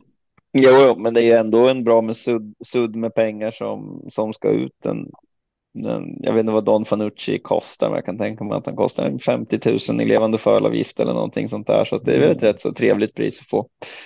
Uh, sen är det ju rätt, kunde... uh, det är rätt bra pris för en avelshingst att ge bort också, för att det är ju en jäkla bra grej om något av de här storna som är så här bra om de kommer. Eh, är väldigt positivt för hingsten. Ja, det är ju smart att ha ett sånt pris. Mm. Ja. För mig gillar ja. att vara noggrann med fakta. Det stämmer att han heter Rolf Andersson. Så har vi sagt det också. Mm. Eh, sen kommer vi, Bar sen har vi Barbro Kronos som inte kom med i det där loppet utan ja. istället då fick bli trea i vanliga SM. Det styrker eh, din teori lite om Great Skills hade ju hävdat sig ganska bra här. Mm. ja, hon har varit sämst tvåa. Uh, Power var ju otroligt fin och om Great Skills kunde plocka ner honom eller inte, det, det, det svaret får vi inte för att det fanns ganska mycket sparat där. Robert Berg höll bokstavligen på att vinka till publiken och funderade på vilka gester han skulle göra och då körde han 1.06 och 9 sista fem. Och frågan är hur fort hade han kunnat köra sista fem om han bara hade liksom pratat lite med Power och sagt åt honom att springa så fort som möjligt, för det gjorde han ju inte. Han bara satt ju Elias. Det är helt fantastiskt. Ja, kul, må... kul för Power att få till det. Fantastiskt. Jag menar, hur många gånger läser vi i ett, i ett SM-lopp eller motsvarande lopp av den digniteten att segraren, alltså den officiella segermarginalen är många längder. Det måste vara extremt ovanligt. Ja, jag som eh, representant för Värmland i den här podden vill eh, lyfta tvåan, Bear Time. Det är ganska bra av eh, Helena att slå om ni läser hästarna som kom efter. Absolut. Den där hästen är, en riktig krigare. Som också är en sån här som bara tävlar på. nej, det tyckte jag var kul. Han har, han har ju tjänat sina pengar via lång och trogen tjänst. Det, det, det får man ju ja. säga. Och, och, Gått med skor alltså, hela livet. Ja, kan vi inte kunna testa att rycka dem snart? Ja, jag tror inte han håller på det. Eh, eh, Helena Edlund ska ju liksom vara stolt bara att hon har eh, häst till start i det här loppet. Liksom mm. ens ha en häst ja. som är så bra så att den kan vara med här är ju helt otroligt och sen att bli tvåa är ju makalöst. Jättekul. Eh, hon var nog i princip lika glad som Berg tror jag, även om Berg var väldigt glad. det, nej, skitkul. Och Barbro Kono som sagt sport, spurtar in till tredje. Brother Bill hade jag inte riktigt koll på. Mm. Nej, han tappar jag också bort lite i loppet. Jag vet inte vart han... Hail Mary, Hail Mary, det var ju Redéns hästar har gått ganska dåligt nu apropå sjuka hästar. Eller ja, det var ju några som har gått riktigt bra. Avslutar ju dagen idag till och med med någon riktigt bra. Men eh, så jag vet inte vad man ska säga om det. Alltså han måste ju vara i toppform för att ta ner en power. Jag vet inte ens om, om han plockar power nu när power är tillbaka och, och är som bäst. Alltså, om man kollar talangmässigt på de två så var de ju ganska jämbördiga. Alltså som, så bra som Power var som treåring när han bara mosar dem i, i kriterier. Jag tycker det var en av de häftigaste kriterievinsterna någonsin. Eh, och, och sen, eh, sen tror jag han vann Europaderbyt också. Nu får vi skjuta lite mer från höften i och med att eh, sportappen på travsport ligger nere. Men eh, Nej, men jag tror han vann Europaderbyt också. Och sen är ju grejen att han har ju på betäckt en del och, och, inte kunnat träna under den perioden. Och det är ju lite olika hur bra det funkar. Det finns ju några. Eh, Sandmotör har ju gått rätt så hyggligt ändå kan man väl säga, men den, den har de ju åkt och tränat hela tiden. Power Traffic fokuserar på bara avelsarbetet. Det funkar inte riktigt att träna honom av en eller annan anledning och eh, gör det nu så här bra. Eh, mm. Nu när han har fått, ja, kunnat träna kontinuerligt. Och eh, men det är ju jättekul. Det är inte så lätt att växa in i eliten heller. En del kan behöva lite mer tid än andra, men, men jag tror mycket nog avelsarbetet där. Eh, så det ska bli det jättekul ju... att se hur han, hur han funkar framgent här nu. Det var ju också en fråga vi fick det med varför Powers avkommor såldes för så lite på auktionerna. Det är väl att han inte har rosat marknaden under tiden han, de hästarna har varit ute på auktion, antar jag. Nej, det har ju varit faktiskt katastrof för dem som har betäckt med Power för att eh, de, de betäckte ju med han då när han var så där otroligt lovande, en av de bästa hästarna vi har haft i landet eh, överhuvudtaget och, eh, och sen eh, Sen så gick han ju ut och var mer eller mindre bara någon medelmåtta, funkar inte riktigt. Eh, och då tappar de sin stjärnglans och, och, då, och sen, sen, är det bara märkligt hur det funkar, vilka, vilka hingstar som blir heta och vilka som blir liksom helt off på marknaden. Det, alltså, eh, och, och sälja hästar på auktion så där med nya hingstar och så, alltså det, det är som aktiemarknaden, det känns som ja. det kan gå lite hur som helst. Men, eh, men det betyder ju inte att Power är en dålig hingst. Nej, inte alls. De, alltså de du har sett efter Power har de liksom så här ändå. De har sett bra ut, men av någon anledning så har de inte varit attraktiva. Jag har inte, jag har inte sett extremt många, men jag har sett några stycken och de, generellt sett så finns det inget att, att anmärka på att jag skulle kunna säga att Power skulle inte ha förutsättningar för att bli en bra hingst eller någonting, någonting så. Sen har jag inte kollat på eh, så extremt många. De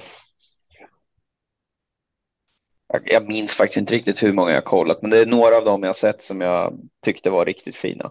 Eh, mm. Så, att, så att det finns absolut ingenting som säger att han inte skulle kunna vara en jättebra avelshingst, utan det är nog bara, det är lite tyvärr så där att som, som stoägare är det nästan lite otäckt när, när eh, tränaren hoppas lite där att de ska välja att sluta tävla. Men för jag menar liksom när, för, för man köper lite produkten att eh, en, eh, men att de slutar på topp och då har man den där stjärnglansen kvar. Sen kommer de ut i gulddivisionen och blir avklädda några gånger. Då är de ju lite vanliga hästar och då, då blir de inte så attraktiva. Det är bättre som, som avelshingst att sluta när folk fortfarande tror att man kunde ha varit en av de bästa genom tiderna och sen får man liksom, ja men som Aetos Kronos.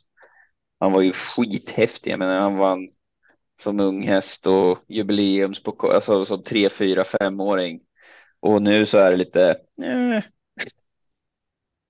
I och med att han har varit ute efter att han, han fick den där eh, sjukdomen då har han inte varit riktigt sig själv, även om han är svinbra. Men jag menar, det är ju ingenting som gör hans genetik sämre. Han var ju helt otrolig som tre, fyra, mm. femåring. Mm. Eh, titta, jag är tvungen att titta igen på loppet. Det är ju helt otroligt Alltså när, när Robban trycker till ungefär 450 kvar så han lämnar ju, alltså Hail Mary är ju längder bakom eh, redan utgångsläget, men han lämnar ju Hail Mary på 100 meter med 30-35 meter. Det är helt otroligt. eh, helt san, osannolikt.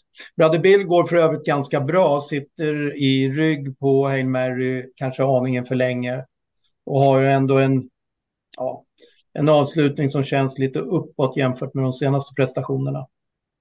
Mm. Ja, han är ju tvåa i klungan där bakom eh, Filippa BJ. Va? Eh, ja, just det. Att, eh, det, ja, men det är nog ingen dålig prestation. Jag tror att han kommer eh, säkerligen att vinna något lopp här under, under hösten om man får eh, springa igång sig lite.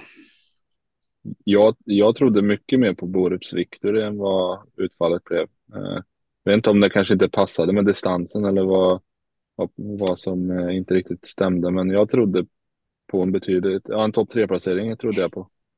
Där tycker jag man kan koppla lite till en diskussion vi hade tidigare, nämligen det här med tränarintervjuerna. Eh, den här nerväxlingen som man ändå gjorde med skor och mm. vanlig vagn. Va? Ja, och man satsar lite med. på framtida lopp. Exakt. sa man väl också. Precis. Alltså det, det tycker jag, alltså utrustningsändringar åt båda hållen, det är väl några av de mest tydliga signaler man kan ändå se, eh, tror jag. Då kände jag, när jag hörde den sista intervjun, med Daniel på, på lördagen, då kände jag att nej, det här är inte, det är inte påställt för någon topprestation idag. Sen kan det ju naturligtvis lösa sig på olika sätt ändå i loppet, men, mm. men det kändes som att nej, ingen topprestation. Jag trodde nog ändå på en eh, kanske topp tre-placering på ren kapacitet, även om man gjorde de här ändringarna. Att man ändå skulle få ett bra lopp och, och utmana och sen så skulle man växla växla upp utrustningen och vara ännu bättre sen framåt.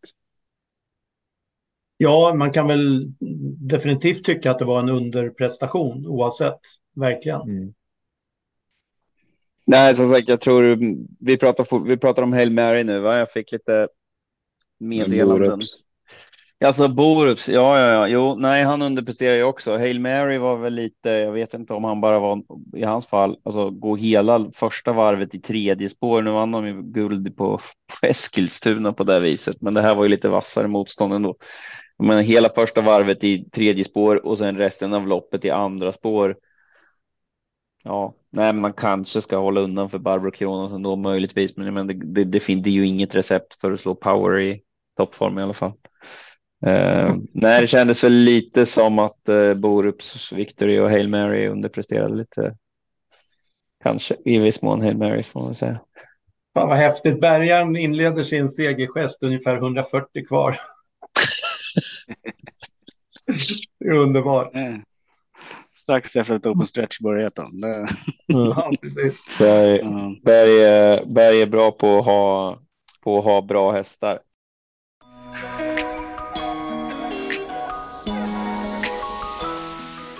Jaha, då har vi haft en liten paus efter avklarat V75-snack och eh, känslan är att det här kommer att ta tid.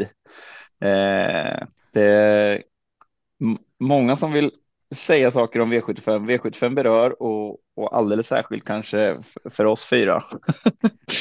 eh, vi, vi går i alla fall vidare till dagens begivenhet som var 12 eh, lopp, 6 Oaks-kval och 6 kriteriekval.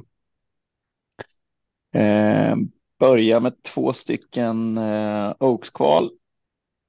Första vanns av eh, eh, käraste Sisu före Naomi Bross. Mm. Där trodde jag en hel del på Lara Westwood och det var lite, lite tråkigt att hon inte fick gå vidare faktiskt.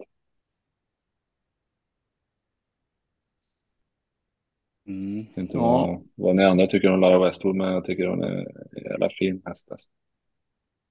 Verkligen, hon var min, jag var med i någon sån här eh, eh, tävling under den här tävlingsdagen som Daniel Götberg eh, ordnade på Twitter slash X.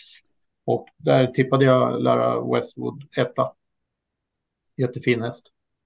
Men eh, Norrlandssuccé här kan vi väl konstatera. Petri Salmela, han har ju förvisso en Solvalla-filial, men han och amatören Mikael Melefors, eh, tränare som gick till final. Det tycker jag var lite kul. Ja, Boden Umeåker kanske man inte trodde skulle gå vidare från eh, första. Nej.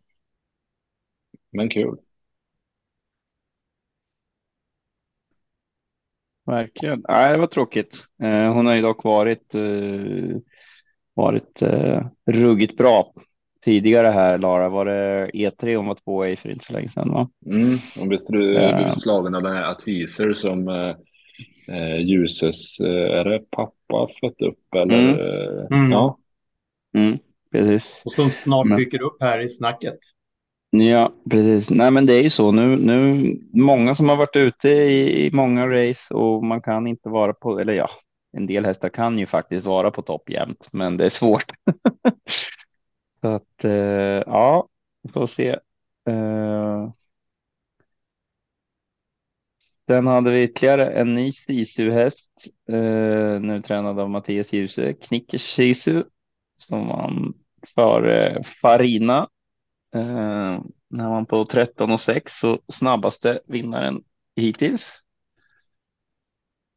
Mm, Farina var en, eh, en som inte riktigt, som har flugit under radarn för mig som eh, jag inte riktigt såg på förhand skulle gå till final från det där läget.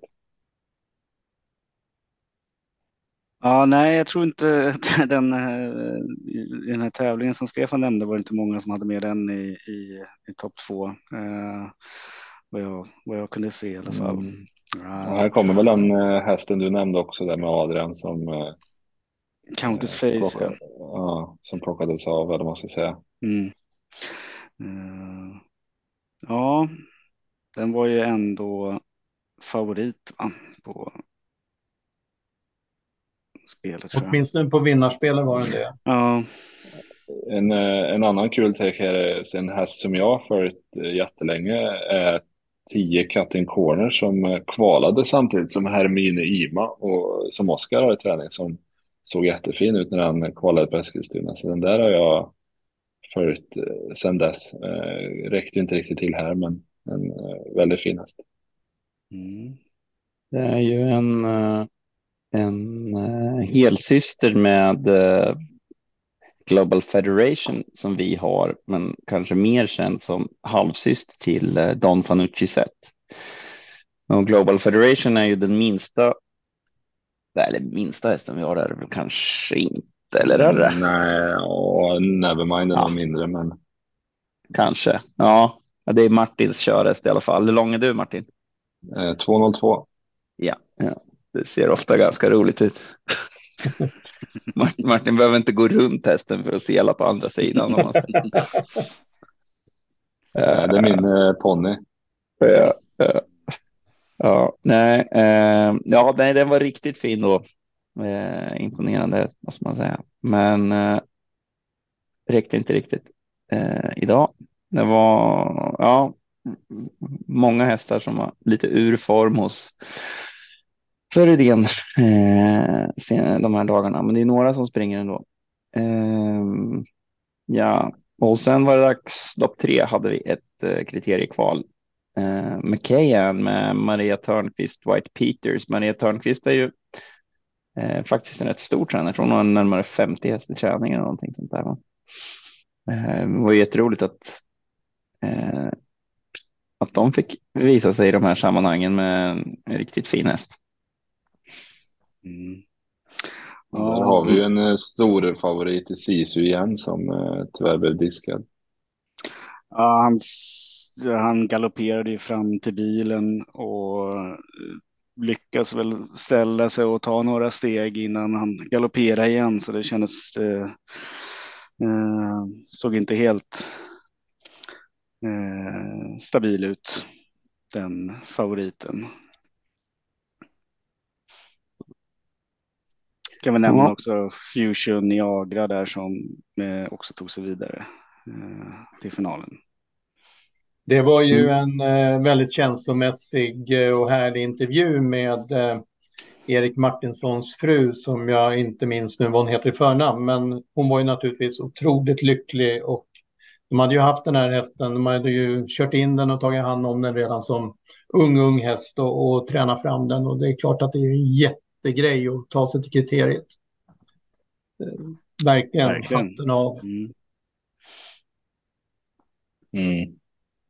Ja, det är jätteroligt. Eh, Malin heter hon. Hon var, jag vet inte om hon är det fortfarande, men hon var bästa kompis med min syster faktiskt. Eh, jätteduktig.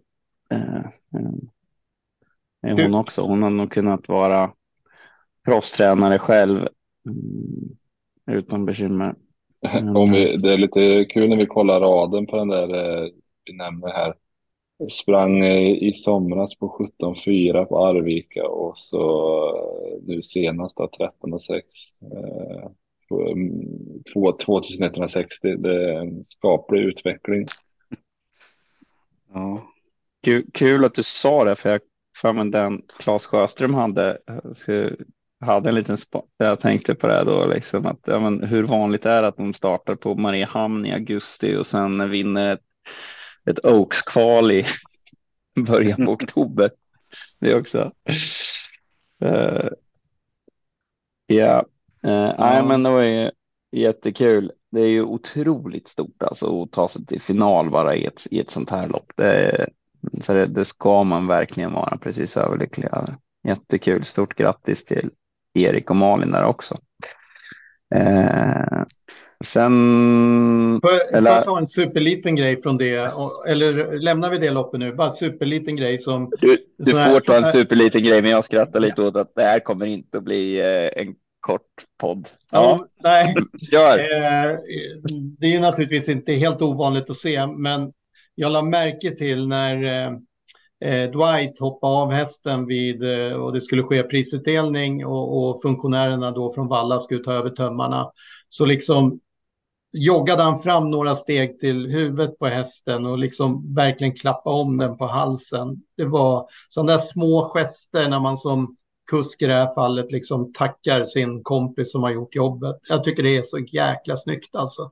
Det är nästan så jag får Mm. Så här, ståpäls bara när jag berättar om det. Ja. Och inte bara avmätt och liksom så här kliver av och hoppar in i vinnarcirkeln, liksom, utan det är någonting mera. Ja, det är Just till Dwight Peters. Ja, verkligen. Eh, det är ju, det var ju, han har väl den eh, rörelsen ihop med Maria Törnqvist också?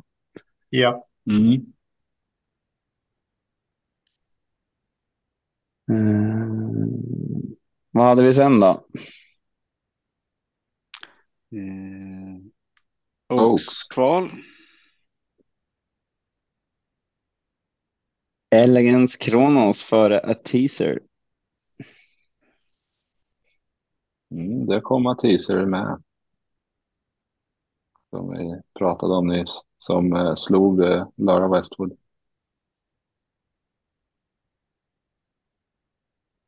Fast var det första årsegen för eh, ja, första årssegern för Elegance Kronos. Den tog hon vid rätt tillfälle. Gjorde ett bra lopp och eh, jag tror faktiskt att det här var den enda egentränade hästen som Goop hade idag.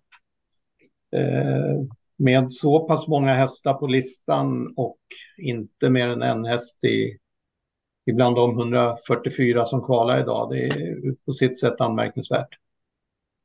Mm. Det får man Men var bra. Mm. Nej, i övrigt, jag har inget att, övrigt direkt att ta med mig härifrån. Det var en del galopper, va?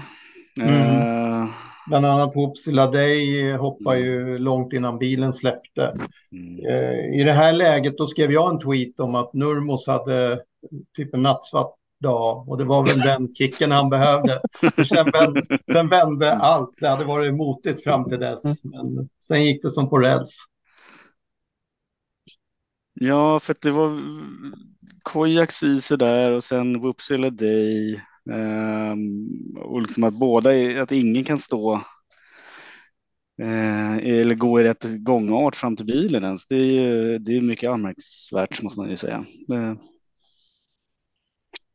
Ja, ja, men det, det rättade väl ut sig sen kanske. En, ja. en del blir för taggade och det är ju dels är det ju unga hästar och sen så är det ju också så att nu gör man ju lite vad man kan för att väcka upp dem lite grann. Mm. Eh, om man säger eller väcka upp dem, men också ska vara i toppform och det är inte alla som tål att vara riktigt i toppform. Jag har haft någon häst faktiskt som har varit ja, men en ruggigt bra häst liksom kapacitetsmässigt, men tålde inte att vara i form. Och, alltså, det, och det är klart de kan vinna en del lopp då, men funkar liksom inte när de skulle toppas som man säger och då, då är det ju svårt. Mm. De här hästarna kommer ju säkert att komma in ändå, men jag menar det, det är ju mycket större risk att det händer något. Det är nog inte bara att man kanske har dragit några växlar och så vidare, utan man har siktat hit och man vill att de ska vara i toppform och då, då, ehm, ja, då blir felmarginalen mindre.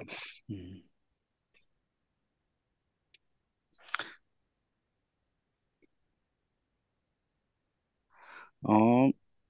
Eh, gå vidare till lopp fem idag. Kriteriekval.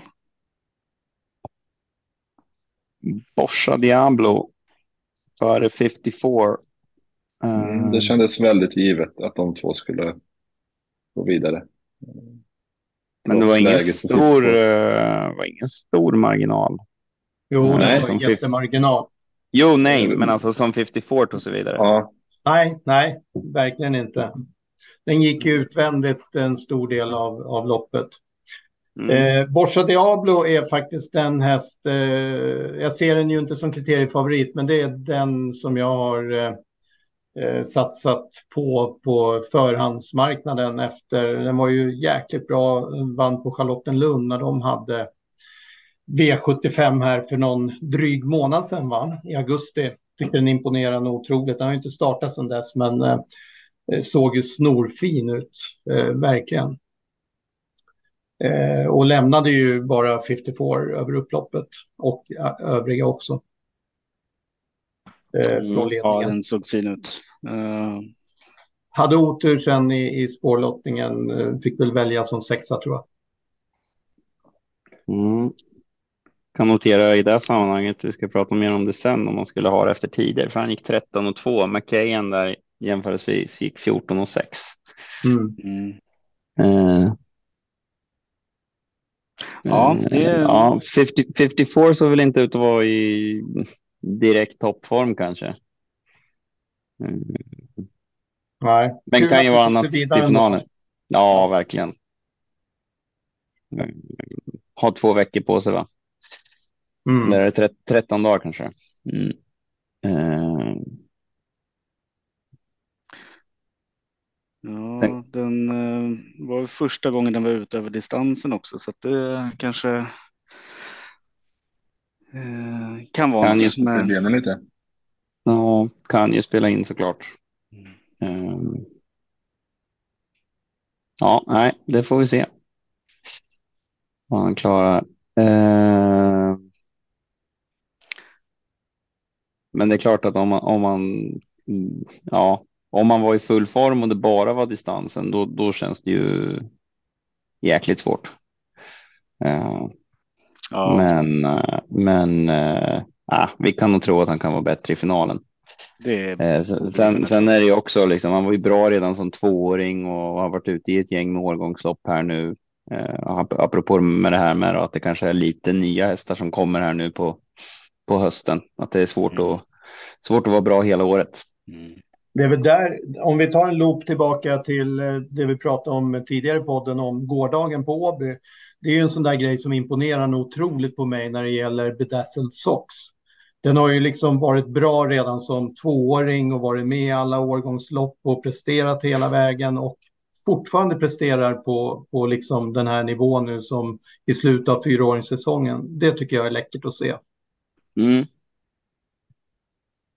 Ja, jag hoppas att det är en häst man får fortsätta, fortsätta se även eh, i, i liksom, en längre tidsperiod med än bara de här årgångsloppen. Mm, precis. Ja, lopp sex.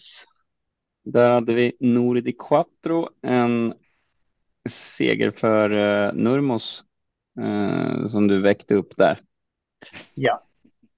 Eh, och eh, där var Gustav Johansson då som vi sa körde dåligt igår i ett lopp i alla fall. Hållade in Boreas. han har inga fingrar emellan i, i det här loppet. Va? Det, han körde på eh, och svarade väl ut. Ja, han gjorde ju det. Favoriten, eller om Norid Quattro var favorit, det vet jag inte. Eh, Epic eh, Kronos var favorit. Epic Kronos var favorit, ja, så var det. Mm. Sen kanske det var någon annan där också emellan. Men ja, nej, det var. Mm, ja, men, eh, Boreas där, eller hur man uttalar det. Det, det var ju en. En, eh, en bra insats. Får man väl säga.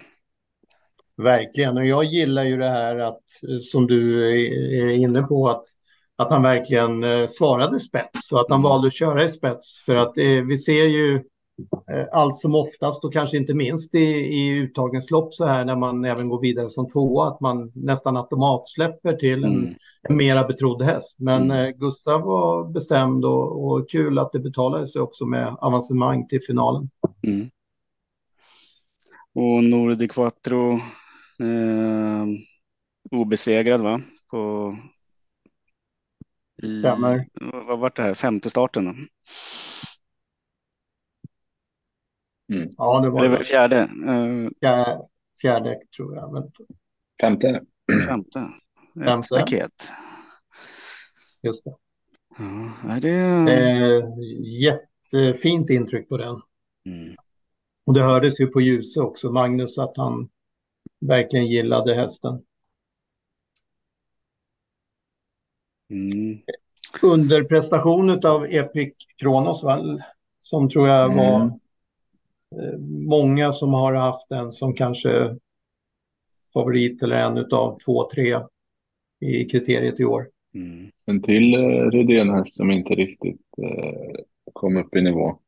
Mm.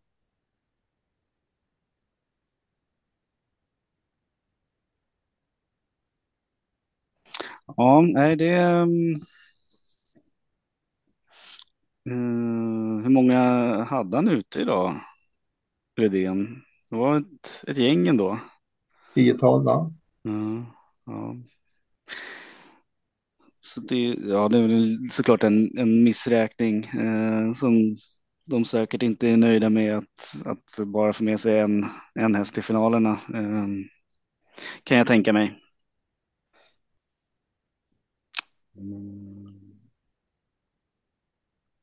Mm, noter, noterar att uh, Nori di Quattro är den uh, andra Southwind Frank som har tagits vidare. Knickers Sisu är Oaks-finalist efter Southwind Frank. Det är några som, som har sagt, vet jag, i och med att det var någon Southwind Frank uppfödd, eller som min, min syster har ju Fölston och har varit ute en del på auktion och då är det en del som inte vill kolla på dem. Nej, jag vill inte se på någon efter Southwind Frank, säger de.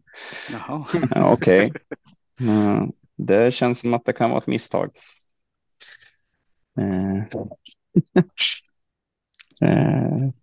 ja, det kan det känns jävligt puckat till och med faktiskt. Ja, men jag vet inte om det, hur, exakt hur bra Ings är, men han, definitivt så är avkommorna värda att titta på. Jag vill väl konstatera. Mm. Och i det här loppet hade vi också Eskid och Carey som vi avhandlade lite tidigare där. Um, som inte såg helt okej ut enligt vad vi har fått höra. Uh, ska vi hoppa vidare till lopp sju? Mm. Mm.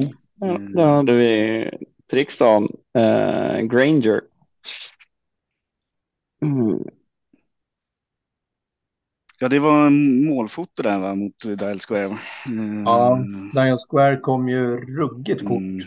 sista biten. Mm, jag fick Nurmos en till ja. Ja. det är bara att skicka en faktura Stefan så. ja, precis. Jag borde ha provision. Tränarprovision, kursprovision, uppfödarpremie och ska vi säga, Jinxare. Jinx, anti-jinx-provision. Ja. Mm. Ja, men det var ju ett ganska odramatiskt lopp eh, annars. Eh, Granger kom ju till, till ledningen där och ja, såg ut att vinna lätt innan brorsan dök upp med Dial Square. Mm. Ja, jag trodde faktiskt att Dial Square var, var före. Uh, ja, man har ju alltid känslan ytterhäst ändå, mm. när, när de kommer snabbare och det ser ut att vara helt jämnt över linjen. Sen har jag inte sett någon, någon bra bild eh, av målfotot. Jag såg den som de hade i, i, i sändningen. Eh, och ja, såg på en liten skärm så det var liksom ingenting jag kunde tyda ut. Men jag antar att, att det finns folk som har sett bättre, än, än, bättre bilder än vad jag har. Så att, eh, vi, eh, vi hoppas att mål... ska ju, Ja, precis. Solvalla ska ju se sammanhanget hyllas. För de brukar ju lägga ut målfoton och de brukar vara väldigt skarpa och fina. Mm. Mm. Ja, verkligen. Nej, vi mm. hoppas att måldomarnämnden äh, la ner sig lite mer när de kollade det där. jag, jag har en fråga till Stefan. Ja. Vem, vilken eh, vann nästa uttagning? Lopp åtta?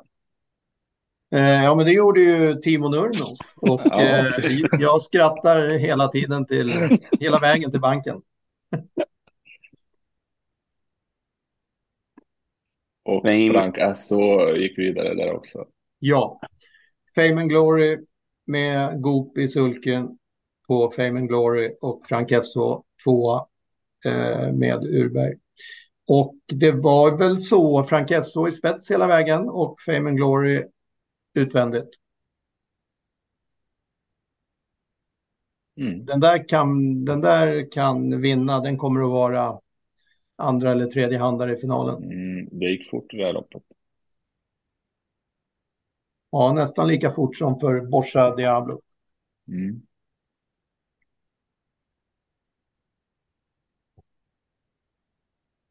Mm, ja, precis. 13 och 3. Mm. Tactical Landing var den därefter. Mm, en av de nya hetare hingstarna. Mm. Sen var det ett Oaks-kval, Ninetta Boko med Robin Bott. För eh, ja, Nurmos Ljuse Adriatica. Mm. Det missade frustration. Jag trodde en hel del på, på henne. Mm. Ja, ja samma här.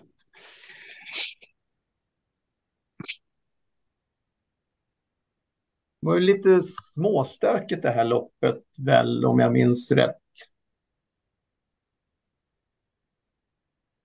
Eh, Global Election med den 45-årige lärlingen Marcus Waldmüller var ju eh, hårt betrodd men eh, hamnar ju illa till eh, från sitt sjunde spår.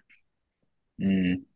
Och där vart det också eh, utgång med galopp för en till renhäst.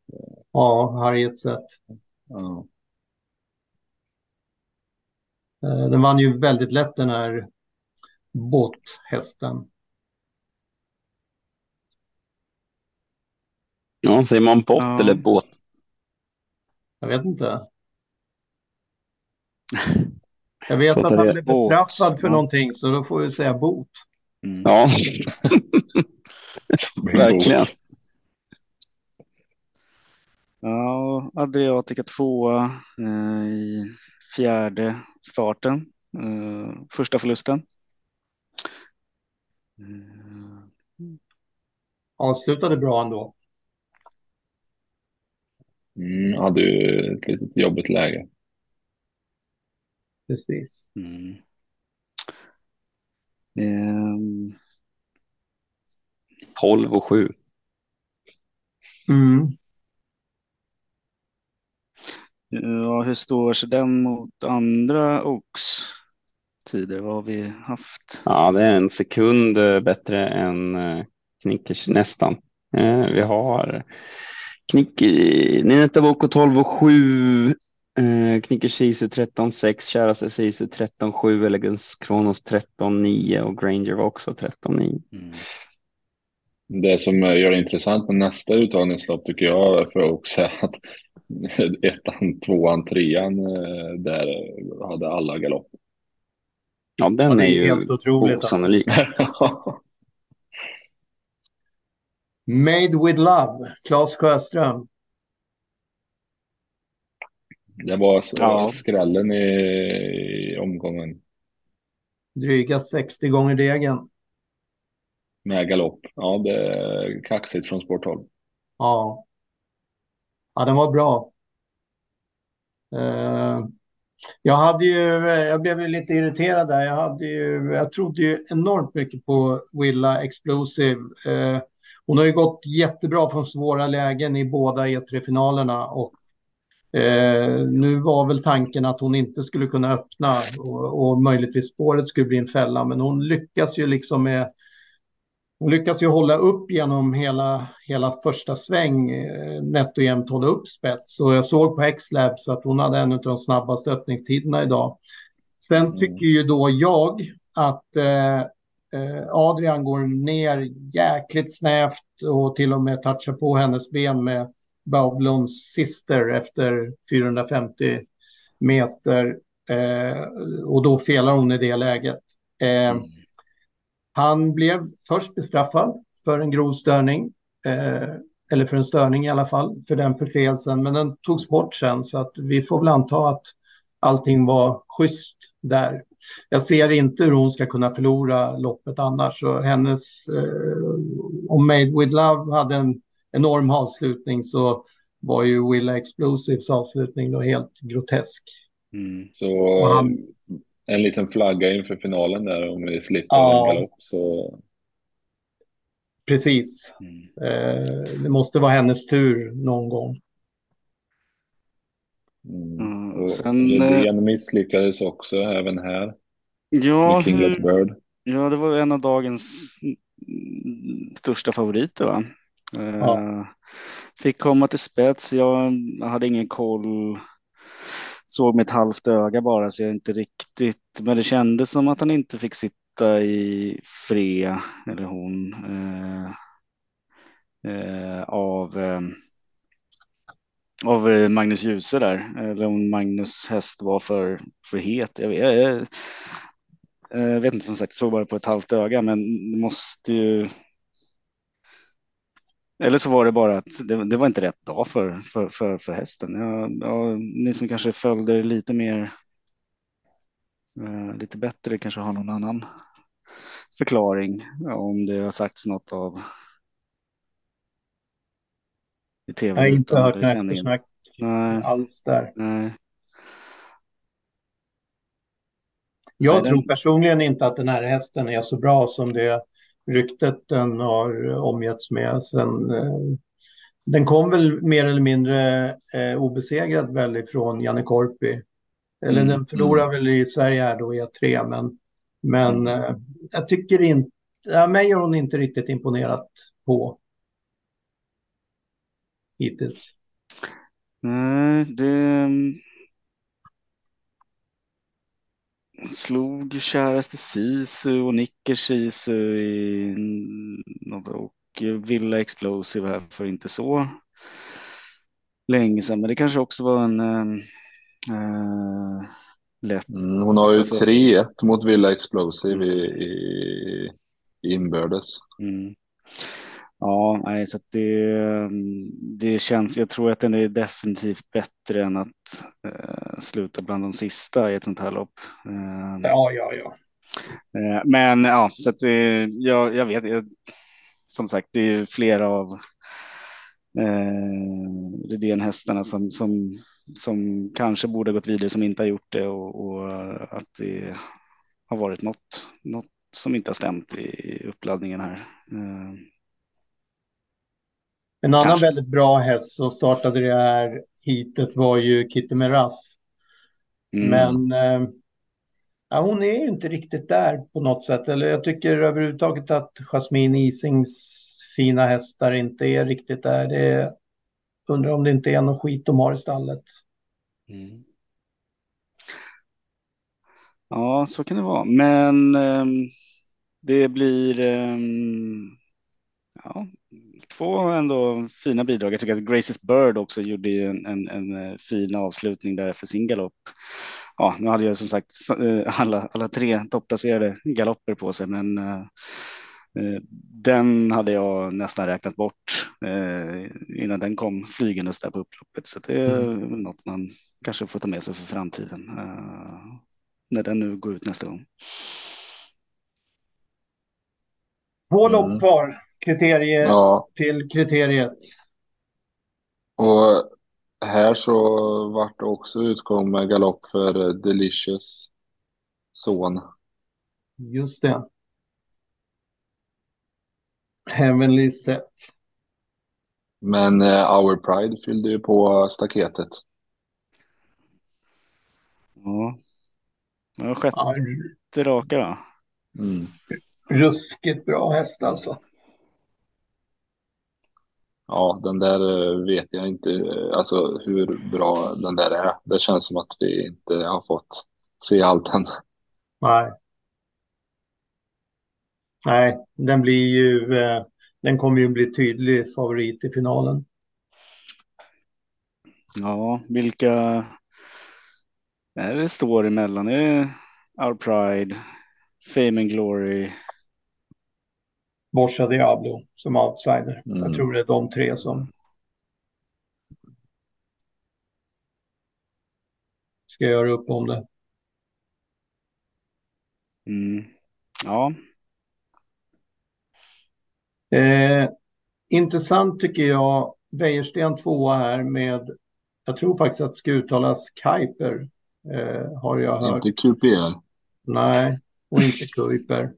Eh, om man tittar på derbykval och kriteriekval så har ju eh, Wäjersten haft väldigt få hästar med. Han är ju grymt duktig och många hästar blir ju 10-20 meter bättre i hans träning när de kommer dit. Men eh, han har väl fortfarande kvar lite grann att bevisa att han kan mm. plocka fram unghästar.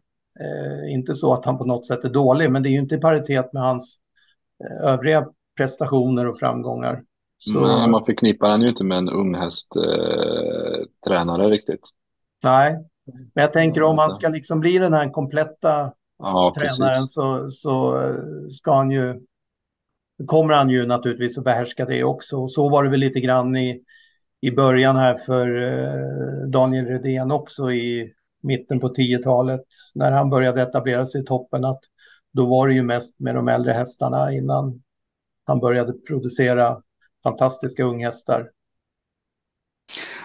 Har han mycket unghästar i, i stallet? Ja, det är det som är, det är det som är lite grejen många gånger. Alltså, många gånger det är ju det är en materialsport så att alltså de där, de där bästa, mest välstammade unghästarna får du ju kanske chansen med lite senare som den här är efter Facetime Bourbon som kanske är världens en av världens genom tiderna bästa hästar och en, den, en av de hetaste avelshingstarna nu och har en kanske världens bästa morfar, eh, Kent Hall. Eh, och som, ja, Korant är det som äger den. Den fick han inte in förrän han hade vunnit ett gäng med lopp med äldre, enklare hästar. Nej, det... Så det är lite så här framgång, framgång föder framgång lite. Mm. Det blir väl så. Mm. Eh, Ska vi ta vi ha... sista loppet också då? Mm. Ja. Och här har vi då, om den förra var efter Facetime Bourbon så har vi den här eh, Gustav Johansson bakom en Quercio Duchenne. Eh, Pantokrator. De sa att det var så självklart att han skulle köra den andra han kvalade in. Vad hette den nu igen som var tvåa där? För att det var hans, eh, var är hans morbror eller farbror? Dan Widgren. Morbror, ja. Jag undrar om det är självklart. Jag tror nog att om jag vore Dan Widgren så skulle jag säga åt honom, du kör åt Jerry. Boreas. Eh, mm. Ja, så du kommer att få köra och du kommer att få köra åt mig hela ditt liv. Det är bättre. Kör, kör åt Jerry. Så hade jag sagt i alla fall. Men eh, ja, då får vi se. Nej, men det var kul. Uh, kul att Jerry ger uh, unga killar chansen också, eller unga killar. Mm. De brukar ju låta, vad heter hon? Uh, Vilma Karlsson. Vilma, ja. Mm. Vilma Karlsson köra också. Så att, uh, ja, nej, men det är roligt. Och, och, att det går så pass bra då också. Det är väl kanske det vanligaste annars som man tycker, nej, nu är det nu är det Oaks kval, då måste vi ha en lite mer rutinerad kusk. Men, nej. Skitkul. Mm. Herakles ja, ruskig avslutning. Eh, hela första varvet i tredje spår innan Örjan gav upp och backade sig ner sist. Och då trodde man ju att dagen var helmörk för Redén, men eh, sen kom han där längst ut i banan. Ja, den var ruskig. Eh... Jävlar vad det gick. Hade vi några siffror på den sista 200 eller? Vad... Det kan vi nog ha. Mm, det kan ju ändå.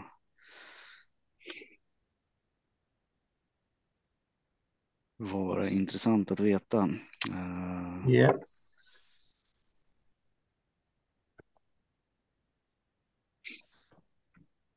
Tretton åtta på vinnaren här, Oskar. Är det hur står sig den? Det tredje är bäst. Jag gjorde en liten sammanställning här medan vi pratade. Eh, eh, snabbaste tiden är i Oaks-kval. Eh, de gick ju då bara medeldistans. Mm. Redan här för övrigt, alla har betalat lika mycket pengar. I Oaks-kvalet är det 150 000 i första pris. I kriteriekvalen för hingstarna då är det 200 000 i första pris också. Det är ruggigt rättvist. Eh, mm. Ninetta Boko gick 12 och 7. Made with Love. Näst snabbast alltså från spår 12 med galopp 13 och 5. Sen var det Knickers Sisu, Käraste Sisu eh, gick 13 och 6 respektive 13 och 7. Sen är det Elegance Kronos 13 9 och Granger 13 9. Eh, så det var ju den ordningen de borde ha fått välja om, om vi skulle ha gått efter det här med att gå efter tid, vilket väl jag tycker är rättvist. Eh, sen kan man tycka att ja, men om det börjar regna eller bla bla bla. Jo, men det lottas ju ändå bara. Så att du lottar, okej, okay, du lottades till det försöket som mm. var innan du, det började regna. Mm, ja. alltså, det är ju slumpen där också, så mm. att jag tycker man kan väl, kan väl få betalt för att man gör en värre insats. Um, det är ju inte alltid det bara för att det går fortare, men ni vet vad jag menar. Ja. I kriteriekvalet så gick Borsa Diablo 13 och 2, Fame and Glory 13 3, Pantokrator 13 8, Our Pride 13 9, Nori di Quattro 14 2 och McKayen sparade mest krafter på 14 6, så det är en jäkla mm. skillnad där. Så mm. om du springer den där tiden 14 6 och sen drar första lotten så har du en stor fördel inför finalen. Ja. ja. Eh, som svar på din fråga var det va Martin, eh, Herakles set avsluta 8-8, sista 200 och för att sätta in det i ett sammanhang så eh, avslutade vinnande Pantocrator 13 och 9 och Stens Rubin som la en speed redan i början av loppet och kördes i spets och som såg ut att stå still på upploppet den sista biten 19 och 1 sista 200. Så 8-8 på Herakles 1 och 19 och 1 på Stensrubin. Då, ser, då, är, då står man nästan still i jämförelse. ja. Ja, ja, ja Stens, Stens Rubin känns väl som att den hade nog kanske kunnat ta sig till eh, final i alla fall. Jag vet inte om det spelar någon roll om man, om man hade kunnat ta sig förbi McKayen på något vis, men kördes lite för tidigt va? Det är väl så här, det här kan ju du naturligtvis bättre än oss Oskar, men min bild är ju att vissa hästar, eller väldigt många hästar, har liksom bara en speed. Och mm. lägger man den i början, då, då finns inte den kvar att köra med till slut. Och det kan ju vara en sån häst. Mm. Ja, det här diskuterades, jag vet inte om det var i Brother Bills förra start. Eh, när den fick dra en speed för att eh, komma upp eh, utvändigt ledaren och sen bara var helt. Ja, det var för förra. Ja. Ja, precis. Då, vill, då vill jag minnas att det togs upp i, någonstans i, i Eh, kan ha varit den här podden, kan ha varit någon annan podd, kan ha varit eh, att jag läste, jag vet inte. Men, men eh, det är, det bra källhänvisning. Oh, wise men, man said. Mm. men ja. Har du någon, någon annan input på det, Oskar? Att en del bara har en speed. Mm. Eh, ja, jo, det är en bitvis genetiskt. Sen, sen brukar jag, nu har inte det med de här att göra, de här ska ju förhoppningsvis vara i form, men jag brukar säga att alltså, nej, idag vill jag inte köra ifrån start för att hästen kommer ifrån, kanske har varit lite vila eller någonting sånt, så den är inte i toppform och då har de oftare bara en speed. Eh, ibland så ska man köra från både från början och till slut kan man oftare göra när de har riktig toppform. Men liksom när, när de inte är hundra riktigt i form, då, då brukar man då brukar man få välja om man vill köra sig till spets eller kunna köra till slut. Liksom. Ehm, men, eh, men de bästa hästarna går det ju att köra med flera gånger. De har ju den förmågan att kunna lägga flera speeder. Men, mm. Men, men absolut, det finns ju vissa hästar som det verkligen är så. Och därför tycker jag ofta att det är väldigt intressant. Sådana här riktigt startsnabba hästar som, som vi pratar om, eh, Global Dancer till exempel. Då säger de alltid, ja den är ju missgynnad av, av bakspår för den är startsnabb. Men det vet du väl inte, det behöver inte alls vara missgynnad. Kör inte från början och se vad som händer till slut. Eh, jag tyckte eh, det har jag sett flera exempel på, så jag brukar faktiskt ofta spela dem. Mm, clickbait från bakspår. Det... Ja, clickbait från bakspår till exempel har gått väldigt bra. Ja, gud, det, den. Mm. Ja. ja, det, blir, det blir ju lite en. Jag är också inne på det där spåret som Oskar är. Det, det kan ju bli den liksom startsnabba hästens förbannelse på något sätt. Mm. Mm. Det måste Faktiskt. alltid laddas. Eh, och, och, det är väl där, jag hoppas verkligen att jag har fel för att jag tycker det är en väldigt fin häst i övrigt. Men det är väl där jag är lite orolig för en sån som Dancer Brodde också. Att ja. eh, den, den är liksom, mm. den är för startsnabb för sitt eget bästa om ni förstår vad jag menar. Mm. Ja, men det är, det är så konstigt att de alltid skriver då att eh, ja, missgynnad med bakspår nu. Eh, ja, men det kan ju, i Dancer Broddes fall kanske kan vara jätteskönt för honom att bara få cruisa mm. med en rygg och sen mm. explodera till slut. Jo, för att bomba till spets från spår sju eh, kanske inte är så bra. Alltså det kostar, även om man mm. gör det lätt så ska han ju ändå springa så fort. Vad fick ja. han för spår i finalen? Vem? Mm.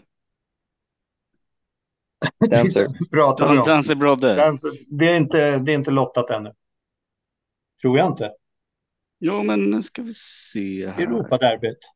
Nej, det Europaderbyt, just det, ja, det, jag är inne på, ja, eh, blandar ihop eh, begreppen men, här. Ja. Men, det lär ju bli ett bakspår. Mm. Det lär bli ett typ- bakspår. Typ, mm. Ja, det lär det nog bli. Om de använder samma princip som liksom vi gör här i Sverige, men det kan man ju inte vara säker på heller. Men jag ska återkomma för tredje eller fjärde gången idag till Bedazzled Sock. Som också är ruggigt startsnabb och som jag, jag tror att det har varit välgörande för den och har fått den har väl ändå fått ett par lopp här nu under sommaren, sensommaren eh, bakifrån. Och det tror jag har varit bra för den. Mm. Ja, de har ju liksom fått försöka att lära honom att gå bakifrån. Det är ja. lite jobbigt när man har tjänat mycket pengar. Det brukar mm. jag. Ja. Men uh, nej, men det är ju nödvändighet. Man kan inte braka till ledningen varje gång. För eller, jo, även om man kan så kostar det så jäkla mycket när man får uh, spår en bit ut där. Ja, och sen ja. tänker jag också rent mentalt om man några gånger då dessutom blir nerplockad. Så uh, det måste ju sätta sig på, på psyket också. Eh, att inte liksom, det är väl en sak att hålla undan och vara först i mål varje gång, men att få stryk några gånger av utvändig häst, då är det inte heller så, så givande för framtiden. Nej, så är det. Man får välja sina strider lite och hur man strider. Eh, jaha, nu börjar vi bli wedigt sega ni. Det här, det här borde bli eh, nytt rekord. Per och Peter slänger i väggen. Mm. Ja, För att inte tala om hur trötta våra lyssnare är vid det här laget. Ja, vi kan konstatera att det är en jäkla massa V86 och grejer, så det är så mycket V86. Jag tror att alla är trötta på V86 nu, så tack ATG för det. De bjuder i alla fall på en superjackpot på onsdag som plåster på såret. jo, bra. uh, nej, det gör mig ingenting. Uh, men jag har inte orkat att följa det och vi har väl kommit fram till att vi, vi, vi har pratat så länge nu så att vi, vi jag vet inte, hade vi någonting att prata om annat än att det är superjackpot på, på onsdag och yeah. säkerligen jättefina lopp både måndag och tisdag. Jag har en nyhet. Mm -hmm. Och det är ju i rent spelperspektiv att eh, jag och Kim byter till Vikens spel på onsdag till Superjackpotten så alla vi på Sjurättspodden blir samlande, samlade under en och samma butik. Så då kan vi ju lägga lite spel tillsammans och göra lite olika konstellationer. Eh, så det tror jag blir bra. Ja, man får säga det nu alltså. Ja. Ja. Spännande. Ja, nej, men det blir ju roligt. Eh, du, eller vi har väl snuddat vid det flera stycken, men du var inne på det för en stund sedan också, Oskar. Lite kort om det här med lottningsförfarandet. Vi, mm. vi är ganska enade i den här kvartetten om att vi gärna skulle se en modell där man väljer i den ordning med snabbaste tider, som vi har sagt. Men vi kan väl också konstatera att vi är eniga om att upplägget man hade idag på Solvalla eh, var bra. Det var en förbättring jämfört med tidigare när man nu drog eh, en boll och eh, man började med att dra en boll för att vinnaren i det fjärde hitet till exempel skulle välja först och sen så gick den tränaren eller kusken eller representanten fram och valde startspår. Pam, mm. boom, och så rullade det på så där. Yep. Nej, men det är klart att det var, det var ju bra. Normalt sett så får alla tränare välja en och så eh, en, en boll eller vad det nu är man ska ta lotta med och så, så ser man vem som får ta i den ordningen. Nej, men det där var ju mycket, mycket snabbare och bättre och tanken var ju också att man inte skulle stå och fundera så jäkla länge för många gånger är det ju också olika eh, eller att är det flera gånger så att det är en tränare som har flera hästar så att det inte ska bli så där att man står och klurar på vilket spår man ska ta för att det ska passa den andra hästen man har och så vidare. Eh, men, eh, men som sagt, eh, för min del tycker jag att det hade varit roligare och, och mer rättvist om, ja, i det här fallet då, Borsa Diablo hade fått välja spår först och McKayen sist. Även om jag tycker det, får se nu, är det, är det bara McKayen som är försöksvinnare från en något mindre tränare, men nu är ju faktiskt Maria Törnqvist är ju nästan en stor tränare får man nästan säga. Men ändå eh, vore ju roligt. Um, ja. Ska, Ska vi... Ska vi åka till Boden? Åka till Boden. Rull, rulla vidare mot Boden redan. Uh, vi skulle väl nämna någonting om den här aktionen som jag var på. Jag var faktiskt bara på fredagsaktionen som var i samband med SM där en varje år. Ingenting som ATG hade lagt något fäst någonting vid. Så att de, de körde ju eh, mycket pengar på banorna i närheten för att ingen skulle åka till, till aktionen. Eh, tack ATG. Men eh, det var faktiskt ganska, det var en väldigt trevlig tillställning, varit väldigt bra betalt. OB är ju en fantastiskt eh, trevlig arena både att tävla på och vara på i, i sådana här, såna här sammanhang. Eh, eh, syrran hade ute en häst som hon har gjort i ordning min sy syster och styvfar som de fick 170 000 tror jag det var för en Nunstio eh, avkomma som var riktigt fin så de var väl nöjda med det. Det har varit väldigt tungt på auktionerna men nu den här sista i alla fall så var det i alla fall hyfsat betalt eh, för uppfödarna. Sen är auktionerna svåra att jämföra så där för att några, om man säger som på Eskilstuna där så var det ju ofta, många var lite mera budgethästar men men eh, generellt sett så, så var, det, var det uppåt på den här aktionen. Det ökar ju framtidstron lite grann. Man ser aktionerna lite som ett sätt att ja, men det blir en liten mätsticka för hur det står till i travsporten lite på något vis eller hur folk vill satsa eller vad man ska säga. Mm. Men det var roligt. Så det är en positiv vecka måste vi väl säga, va? Ja. Men det kan vi ju skriva under på. Och när jag satt och, och käkade lite med syrran där så hon tog upp dem. Nu kommer jag ju inte ihåg det, vilka hingstar det var, men hon, hon tog fram dem. Eh, det kan vi ta vid något annat tillfälle. Men de, de bästa tre och fyraåringarna och det var faktiskt förvånansvärt billiga föräldrar på dem, vilket ju är glädjande. För det har ju känts många gånger som att det bara är ren materialsport det här vi håller på med. Att man är liksom chanslös om man inte kan, ja, om man inte har råd med en massa lill och Ready Cash och så vidare. Och det är klart att det var en del sån, om vi kollar på kriteriet där så var det mm, försöksvinnarna var efter Traders, Tactical Landing, Quarcio Duchen, Maradja, Southwind Frank och sen ytterligare en Maradja då. Eh, men det är ju, ja, Traders är inte riktigt, han är inte svindyr i alla fall. Quarcio Duchen är definitivt inte särskilt dyr. Sen var det på storsidan var det Father Patrick, Daily Lovin som är en budgetingst, Southwind Frank, lite mitt emellan. Facetime Bourbon kostar ruskigt mycket, det gör Muscle Hill också och så Trickston ligger på en hundring ungefär. Eh, ja, strunt i samma. Det, vi går vidare mot Boden sa vi va? Ja, det är V75.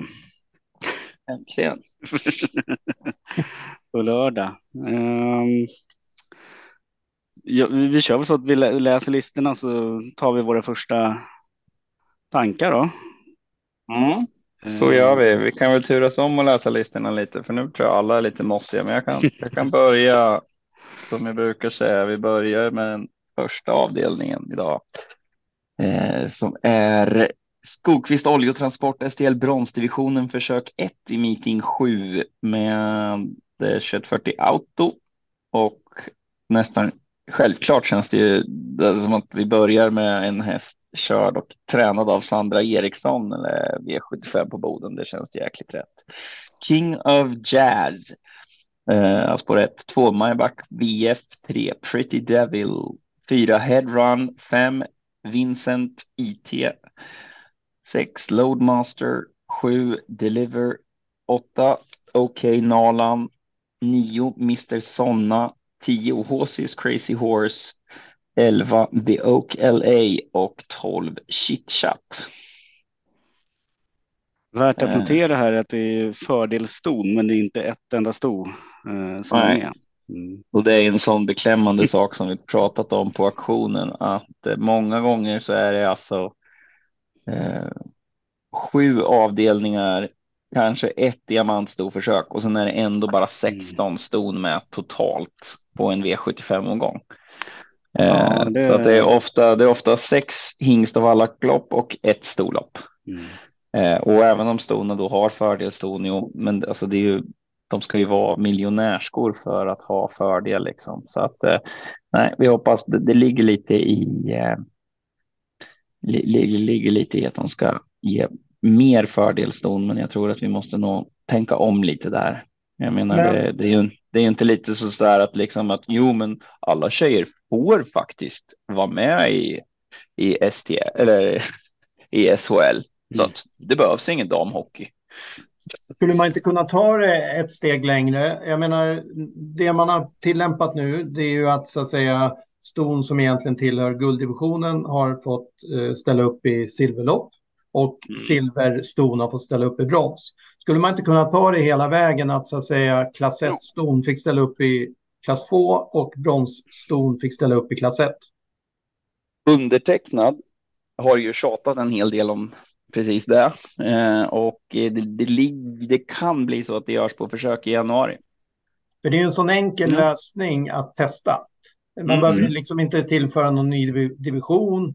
Man behöver liksom inte göra någonting mer än att man ger stona den här fördelen. Ja. Nej, och klass 2-stona kan ju vara med i diamant på, på start. Ja. Mm. Ungefär.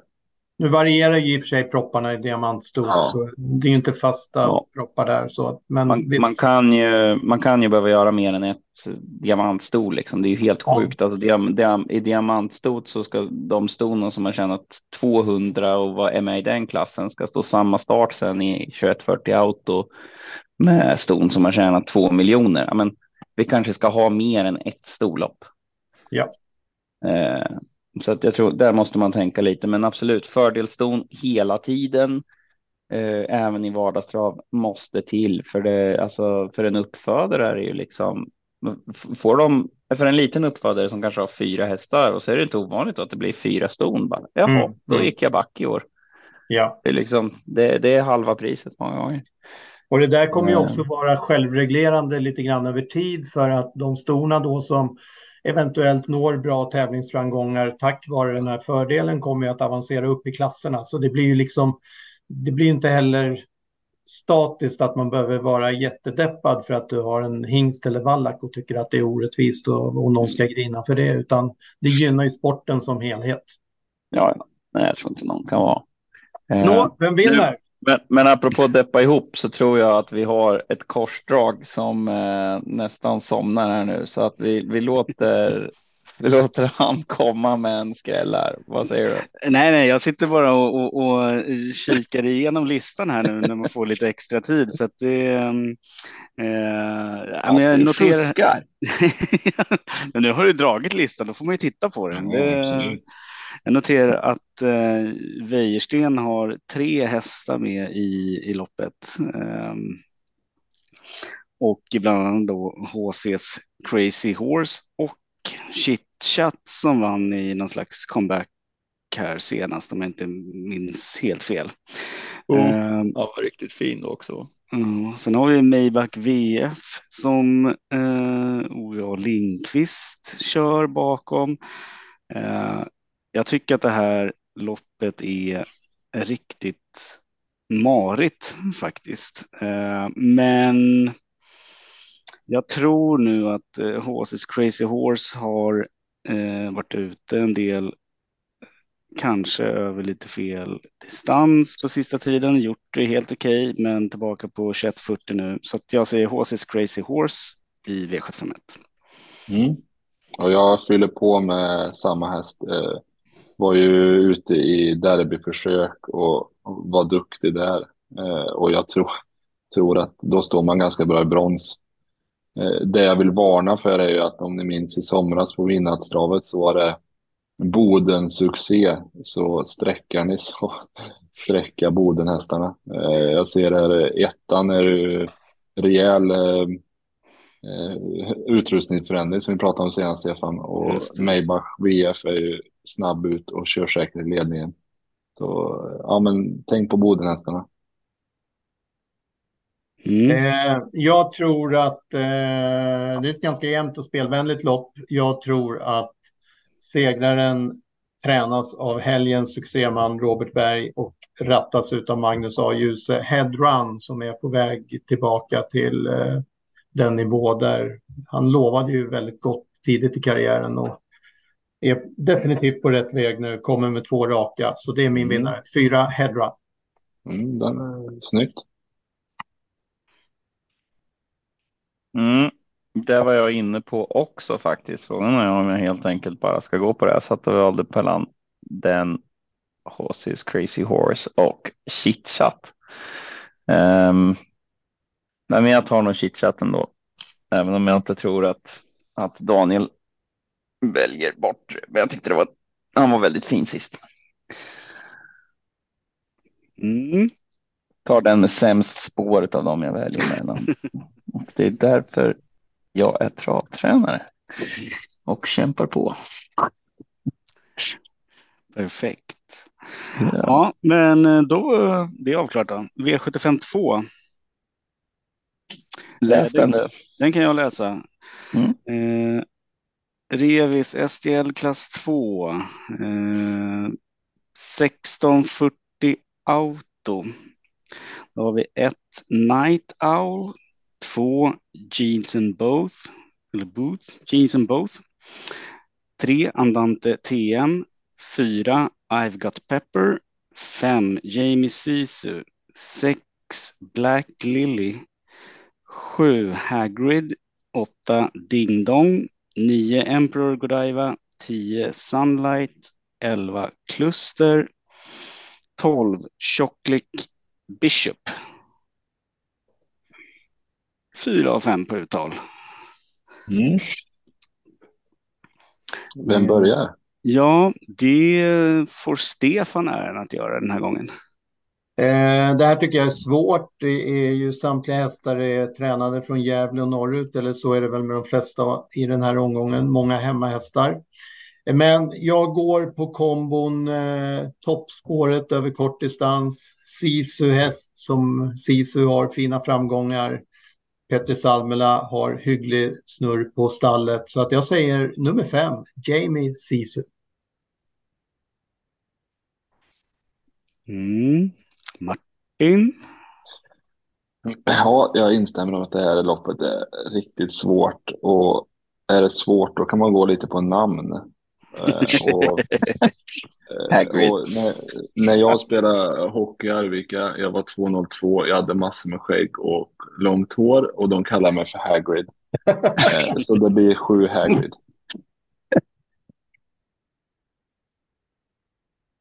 Mm. Ja. ja. Är det jag kvar då eller? Ja, du får uh, gå före mig. Precis, du såg chansen. Ja, det känns som att Sandra Eriksson går all in här. Nu vet jag inte om den här har visat bäst form, men har väl ändå haft lite kunnande måste man säga. Och hon, ja, jag tänker inte åka på Sandra Eriksson helt enkelt. Eh, barfota runt om nu och eh, första gången tror jag. Och enkavank kan, kan vara intressant. I ett jämnt lopp kan man testa lite så. Mm. Um, jag uh, går på OVA från spår 4, I've got pepper. Uh, ja, men jag tycker att det, det ligger bra i munnen helt enkelt, så den, den tar vi. Då hugger jag V75 3. Tårds Motorservice. Alltså man älskar ju de här lokala sponsorerna i, i, i V75-loppen när de kommer ut på landsorten. STL kallblodsdivisionen försök 13 och här har vi en final den 16 december. Varmbloden har ju sin final annandag jul. Och, försök 13, nu snackar vi, nu är det fan inte lätt i finalen. Precis, här, här har man hållit på och harvat ett tag. Eh, 2140 meter tillägg vid 700 000 och vidare vid en miljon insprungna. Nummer ett, Prins CK. Nummer två, Stål-Viktor. Nummer tre, Stjärnvin Linn. Nummer fyra, Mellem Frost. Nummer fem, Gulistella. Nummer sex, Ivars Viking. 20 meter bakom, nummer sju, Guli Orkan. Nummer åtta, Storspjuver. Nummer nio, Sargo. Nummer tio, Arkan. Och ytterligare 20 meter bakom nummer 11 Källsjöviking och nummer 12 Forspärla. Och vad säger då Oskar Svanberg om det här loppet? Jag kan inte påstå, eller jo, jag kan allt om kallblod och en sak jag vet om kallblod är att Henrik Svensson kör dem jävligt bra. Eh, och att eh, Zargo har tjänat mest per start så att vi säger Zargo med Henrik Svensson. Jonas? Ja, jag hade också en liten, liten feeling för, för Sargo här, men samtidigt så eh, gillar jag också kallblod som står på start eh, och gärna om de kommer från, från Norge. Eh, det är ju voltstart och sådär, men, äh, men jag går på Mellenfrost nummer fyra. Härligt. Martin? Jag går på mest kapacitet och det har 11 Källsjö Viking. Och jag ryggar Oscar och går på nummer 9 Sargo som ju var väldigt bra vid seger senast. Vi lämnar vidare till Martin. Mm. Då går vi vidare till eh, V75 4 Jocke El, Noiden, SDL Diamantstoet, försök 1, meeting 7, eh, final Solvalla 26 december. Vi har eh, 2140 meter voltstart och från spår 1 har vi Melby Java, 2 Country Home, 3 Amy Ness, 4 Favorite Law, 5 Global Daylight, 6 Aya Face, 7 Mira. 8. Like di Serafino. 9. Jor, Jorinda. 10. Sochik. 11. Olli Håleryd. 12. Ice Girl LA. 13. Bellatrix Club. 14. Florence Ima och 15. Sommeti. Eh, vad säger du om det här eh, korsdraget? Oh, ja, vad säger jag? Ehm, eh, jag säger att uh, hemma mm, tränare, Norrlandstränare. Uh, oh. Ice Girl LA, Olli Håleryd. Um, men jag skulle nog jag går på Melby Java, Roger Nilsson. Han var väl en av de som hade succé sist det var tävlingar eh, på Boden. Mm -hmm. Jag går på den. Ja, vad säger Stefan? Eh, då när det var middagstrav i Boden i juni så hade ju som har sagts eh, hemmalaget stora framgångar. En av de hästarna som vann då var ju Ice Girl LA tränad av Gunnel Fredriksson, körd av hennes dotter Hanna Olofsson och det har inte blivit någon seger sedan dess. Tror fyra starter därefter, men nu är det dags igen. Nummer 12, Ice Girl LA. Mm. Oskar? Ja, det är jäkla vilken uppryckning Ice Girl LA har gjort sen dess. För det är inte så, alltså, visst, hon har inte vunnit sen dess, men jag menar, det är liksom, hon gick ut och var trea i finalen från spår 11. Och sen är det en, en femte och en andra plats i, i eh, jag vet inte, jag antar att det är diamantstoförsök. Det är 110 första i alla fall. Eh, men jag är lite förvånad över att Olli Håleryd är kvar i, är hon fortfarande, är hon bara fem år? Det känns som att hon har varit ute i V75 jämt mm. i, i en evighet. Eh, har andra spår nu på tillägg. Tänker att det kan kan det vara dags för henne. Står ju väldigt bra inne i loppet faktiskt eh, jämfört med de flesta på start. Mm. Eh, ja, hon har ju 20 tillägg, men, men eh, ja. Jag tittade ja, snabbt, ja. Oskar. Hon verkar ha gjort 8 av 18 starter i STL-lopp. Sett till första mm. priserna, så jag antar att det är så. Mm. Ja, nej, jag ryggar Oskar här också på Olli Håleryd. Det kändes som att det var jättelänge sedan vi spikade henne och ja, att hon hade varit igång länge då med. Ja, men det är sådana här hästar vi, vi behöver som är ute mycket på V75. Och... Mm, jag tror att eh, undrar man dem när det går bra sen. Skellefteå, Skellefteå-spelaren Jimmy Eriksson är med där. Mm det är någon Håleryd-häst han är med i. Om det, det, finns ju någon som heter något nästan likadant som är som en hingst va? eller vallack. Jag kan ha blandat ihop dem. Eller om det var Olea. Så jag låter det vara osagt. Ja, det... Vi kör på att kändisen äger den. Det är jättebra. Alla det tycker att det är roligt. Mm. Som Oskar inte vet vem det är. Det är jättebra hockeyspelare. Eller något. Mm. Du kör Oskar.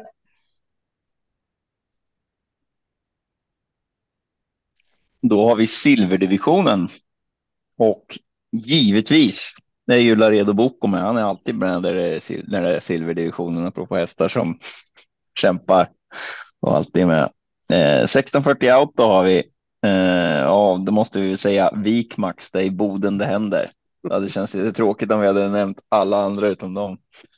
Eh, så 1640 Auto, 1 Laredo Boko, nu med Erik Adielsson för övrigt. 2 Armani Press, 3 Devils Tang, vi behöver inte läsa mer, där vinner ju Devils Men vi kör väl. fyra, Moneykeeper, fem, Lindis Musclemania, sex, Anchorman, sju, The Bald Eagle, åtta, Rollercoaster Ås, Nio, Laradja Brightout. Tio, Got to Dash och 11 Idomenio Sisu. Sen var det ingen mer som ville vara med. Ja, det här var lätt. Mm, börja du då. Ja, nej, men det vinner ju Lindis Musclemania. Eh, nummer fem. Eh, gjorde väl det, fick väl två andra platser eh, men eh, senast var den tillbaka. Eh, och, och vann igen. Så att jag, det känns som att eh, Weirsten och, och stallet är fortsatt väldigt nöjda med hästen. Eh, perfekt utgångsläge här. Eh, kanske får svårt att ta sig förbi Devils Tang i, i starten, men, men eh, äh, det, jag tror Lindis tar den på styrka. Eh, kan gå utvändigt om så krävs. Eh, också att notera att det här är också fördelston, men inte ett enda sto är med. Nej. Mm. De bästa var ju med i SM för ston, men det borde ju finnas några till kan man tycka. ja, jo. Mm. Mm. Stefan. Ja, eh, jag noterar på tal om eh, startsnabba hästars förbannelse att det kanske är positivt för Laradja Vrajtat att ha ett bakspår. Eh, jag jag lite så här, vad är det för kusk? Ja, jag undrar om inte hon är eh, om inte hon jobbar på Menhammar. Jag har bara en känsla av det utan att veta säkert. Det förvånar mig när jag såg namnet. Vi ska se lite Konrad inte körde. Hon är i alla fall Solvalla-licensierad, 32 år, eh, har en mörkgrön dress med svart axelparti. Det kan också indikera Menhammar. Eh, gjort eh, 38 starter 2022, vunnit två av dem, 16 starter i år och vunnit en av dem. Så mitt tips är att hon jobbar hos Conny på Menhammar. Eh, mm. hon var bra sist på Eskilstuna tycker jag. Eh, men Vinnaren är naturligtvis lika självklart som korsdraget sa det, nummer fem, Lindis Musclemania med Daniel Wäjersten. En eh, ruskigt bra jänkare tycker jag som fortfarande inte på något sätt är vässad utrustningsmässigt här i Sverige. Och eh, det, här är en, ja, det här är en häst som kommer att tillhöra eliten närmsta åren. Martin? Mm, ja, men det är klart jag också innebär den, men det var den blev slagen av någon stallkamrat i en av de där starterna och sen så blev han slagen igen. Global Dash. Så, mm, Precis, men sen verkar han ju vara tillbaka nu som vinnare och det är väl kanske ett lite svagare silverfält. Hade jag gått på namn den här gången hade jag gått på sju, men de här hästarna kan jag lite bättre.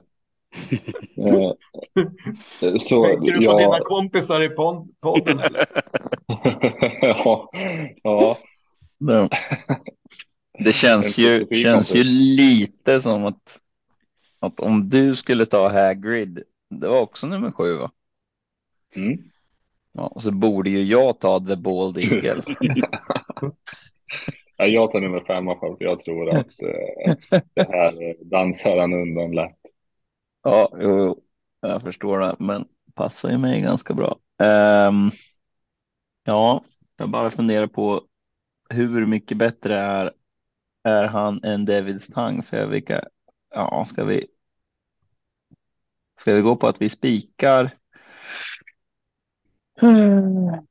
Ja, alltså. Jag tror det blir spik oavsett vad du väljer Oskar, för vi är tre av fyra. Det stämmer. Du kan ju det lägga, stämmer. In, du kan lägga in en pointment här och säga att vad var det jag sa? Mm. Att man förlorar. Mm, precis. Ja, nej, men eh, nej, men jag kör på Devils Tongue. Jag spelar alltid på den och jag tycker faktiskt han har ändå varit. Det kan han har varit lite mänsklig ändå, Linus Massamania, men det är klart han är den som har visat mest klass. Det är inte samma. Eh, vi går vidare till eh, Boden. Scandal Place minne STL gulddivisionen. Jag gillar det. De har någonting som bara liksom, det är bara Boden. Det hade de sist också. Mm. Eh, Kommunsponsrat. ja. Eh, vi har ett Hard Times, två From the Mind, tre Selmer IH, fyra Rome Pays Off, fem Hector Sisu, sex Eder Bob, sju Axel Ruda, åtta Dwayne Sett, nio Henry Flyer Sisu, tio Million Dollar Rhyme, elva Master Eamon och tolv Global Badman. Det här kändes som en väldigt norrgulddivision. Den var så jävla norrländsk. Det, hit hästarna åker när de vill vara sig själva för en stund. Och det är ju inte ovanligt att Million Dollar Rhyme åker till Norrland och startar i deras guldlopp. Så det, det fulländar liksom det hela. Tycker ofta han dyker upp där uppe.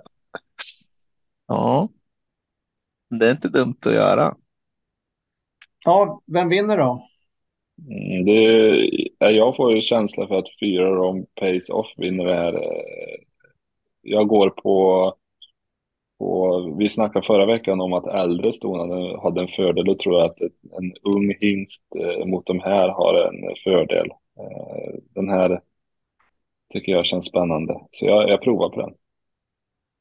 Jag är faktiskt med dig på den. Ehm, det är något med den här. Eh, Det känns som att den har fått en ny nytändning på något sätt. Eh, var ute senast mot eh, om jag kollar rätt mot Sevdi AMG, två bakom den, vilket kan säga något. Men jag säger Rome Pays Off också.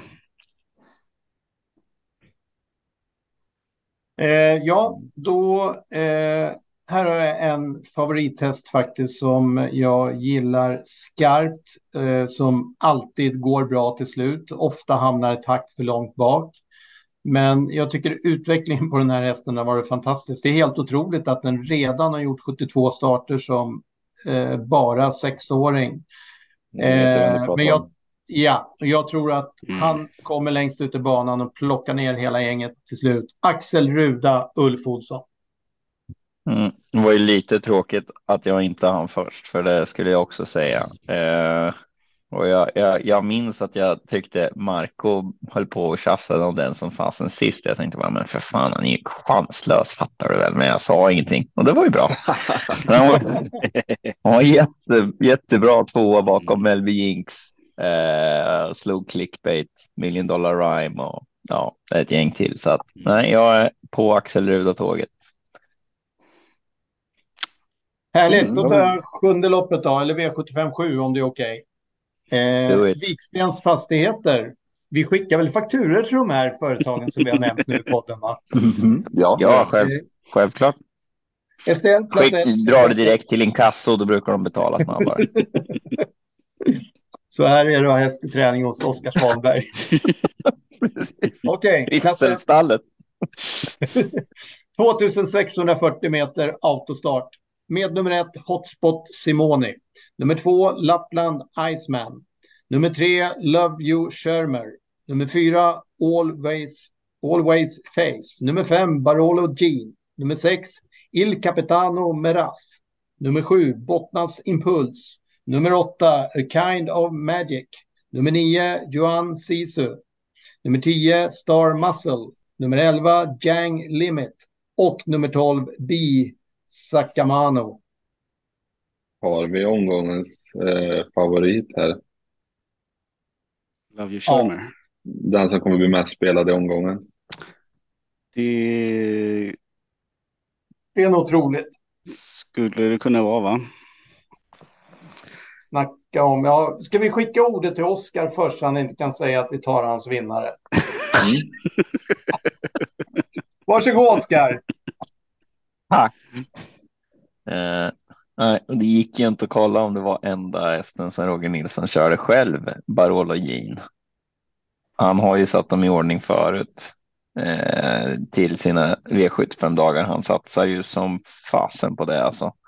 Han körde uh, Melby, eh, kör Melby Ava vet jag som Jonas valde mm. i ett tidigare lopp. Ja.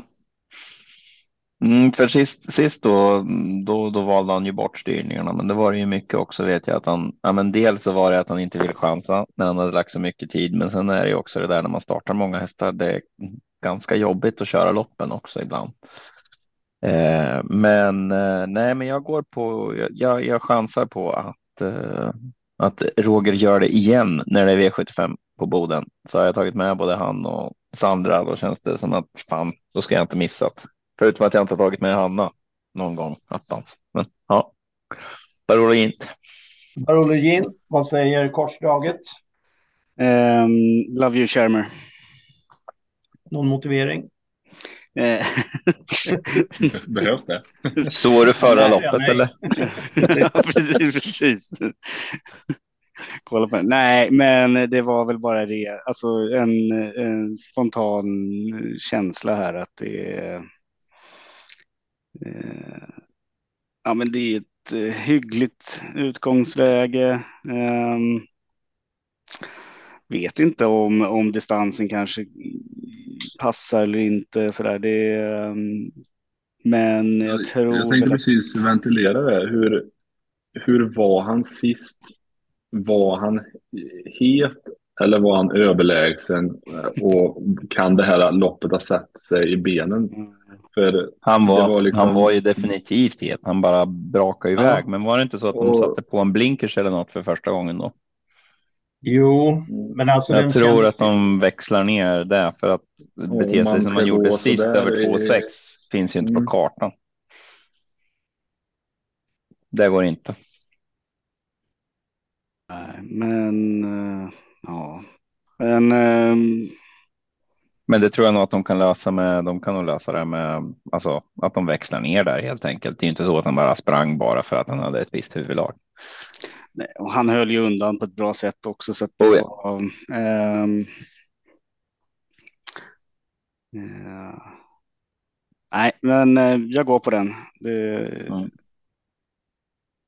Ja, Martin. Ja, det, är ju, det är ju jag med. Det var mer, mer bara en intressant grej. Om mm. en häst som är sådär het och ska ut på långdistans uh, har vi ju sett att det har blivit soppatorsk för. Så det kan ju vara värt att tänka på om den här börjar dra sig mot 50-60 procent. Och mm. ta med Oskars Roger Nilsson på ett lås. Eh, men jag spikar i alla fall på söndagen.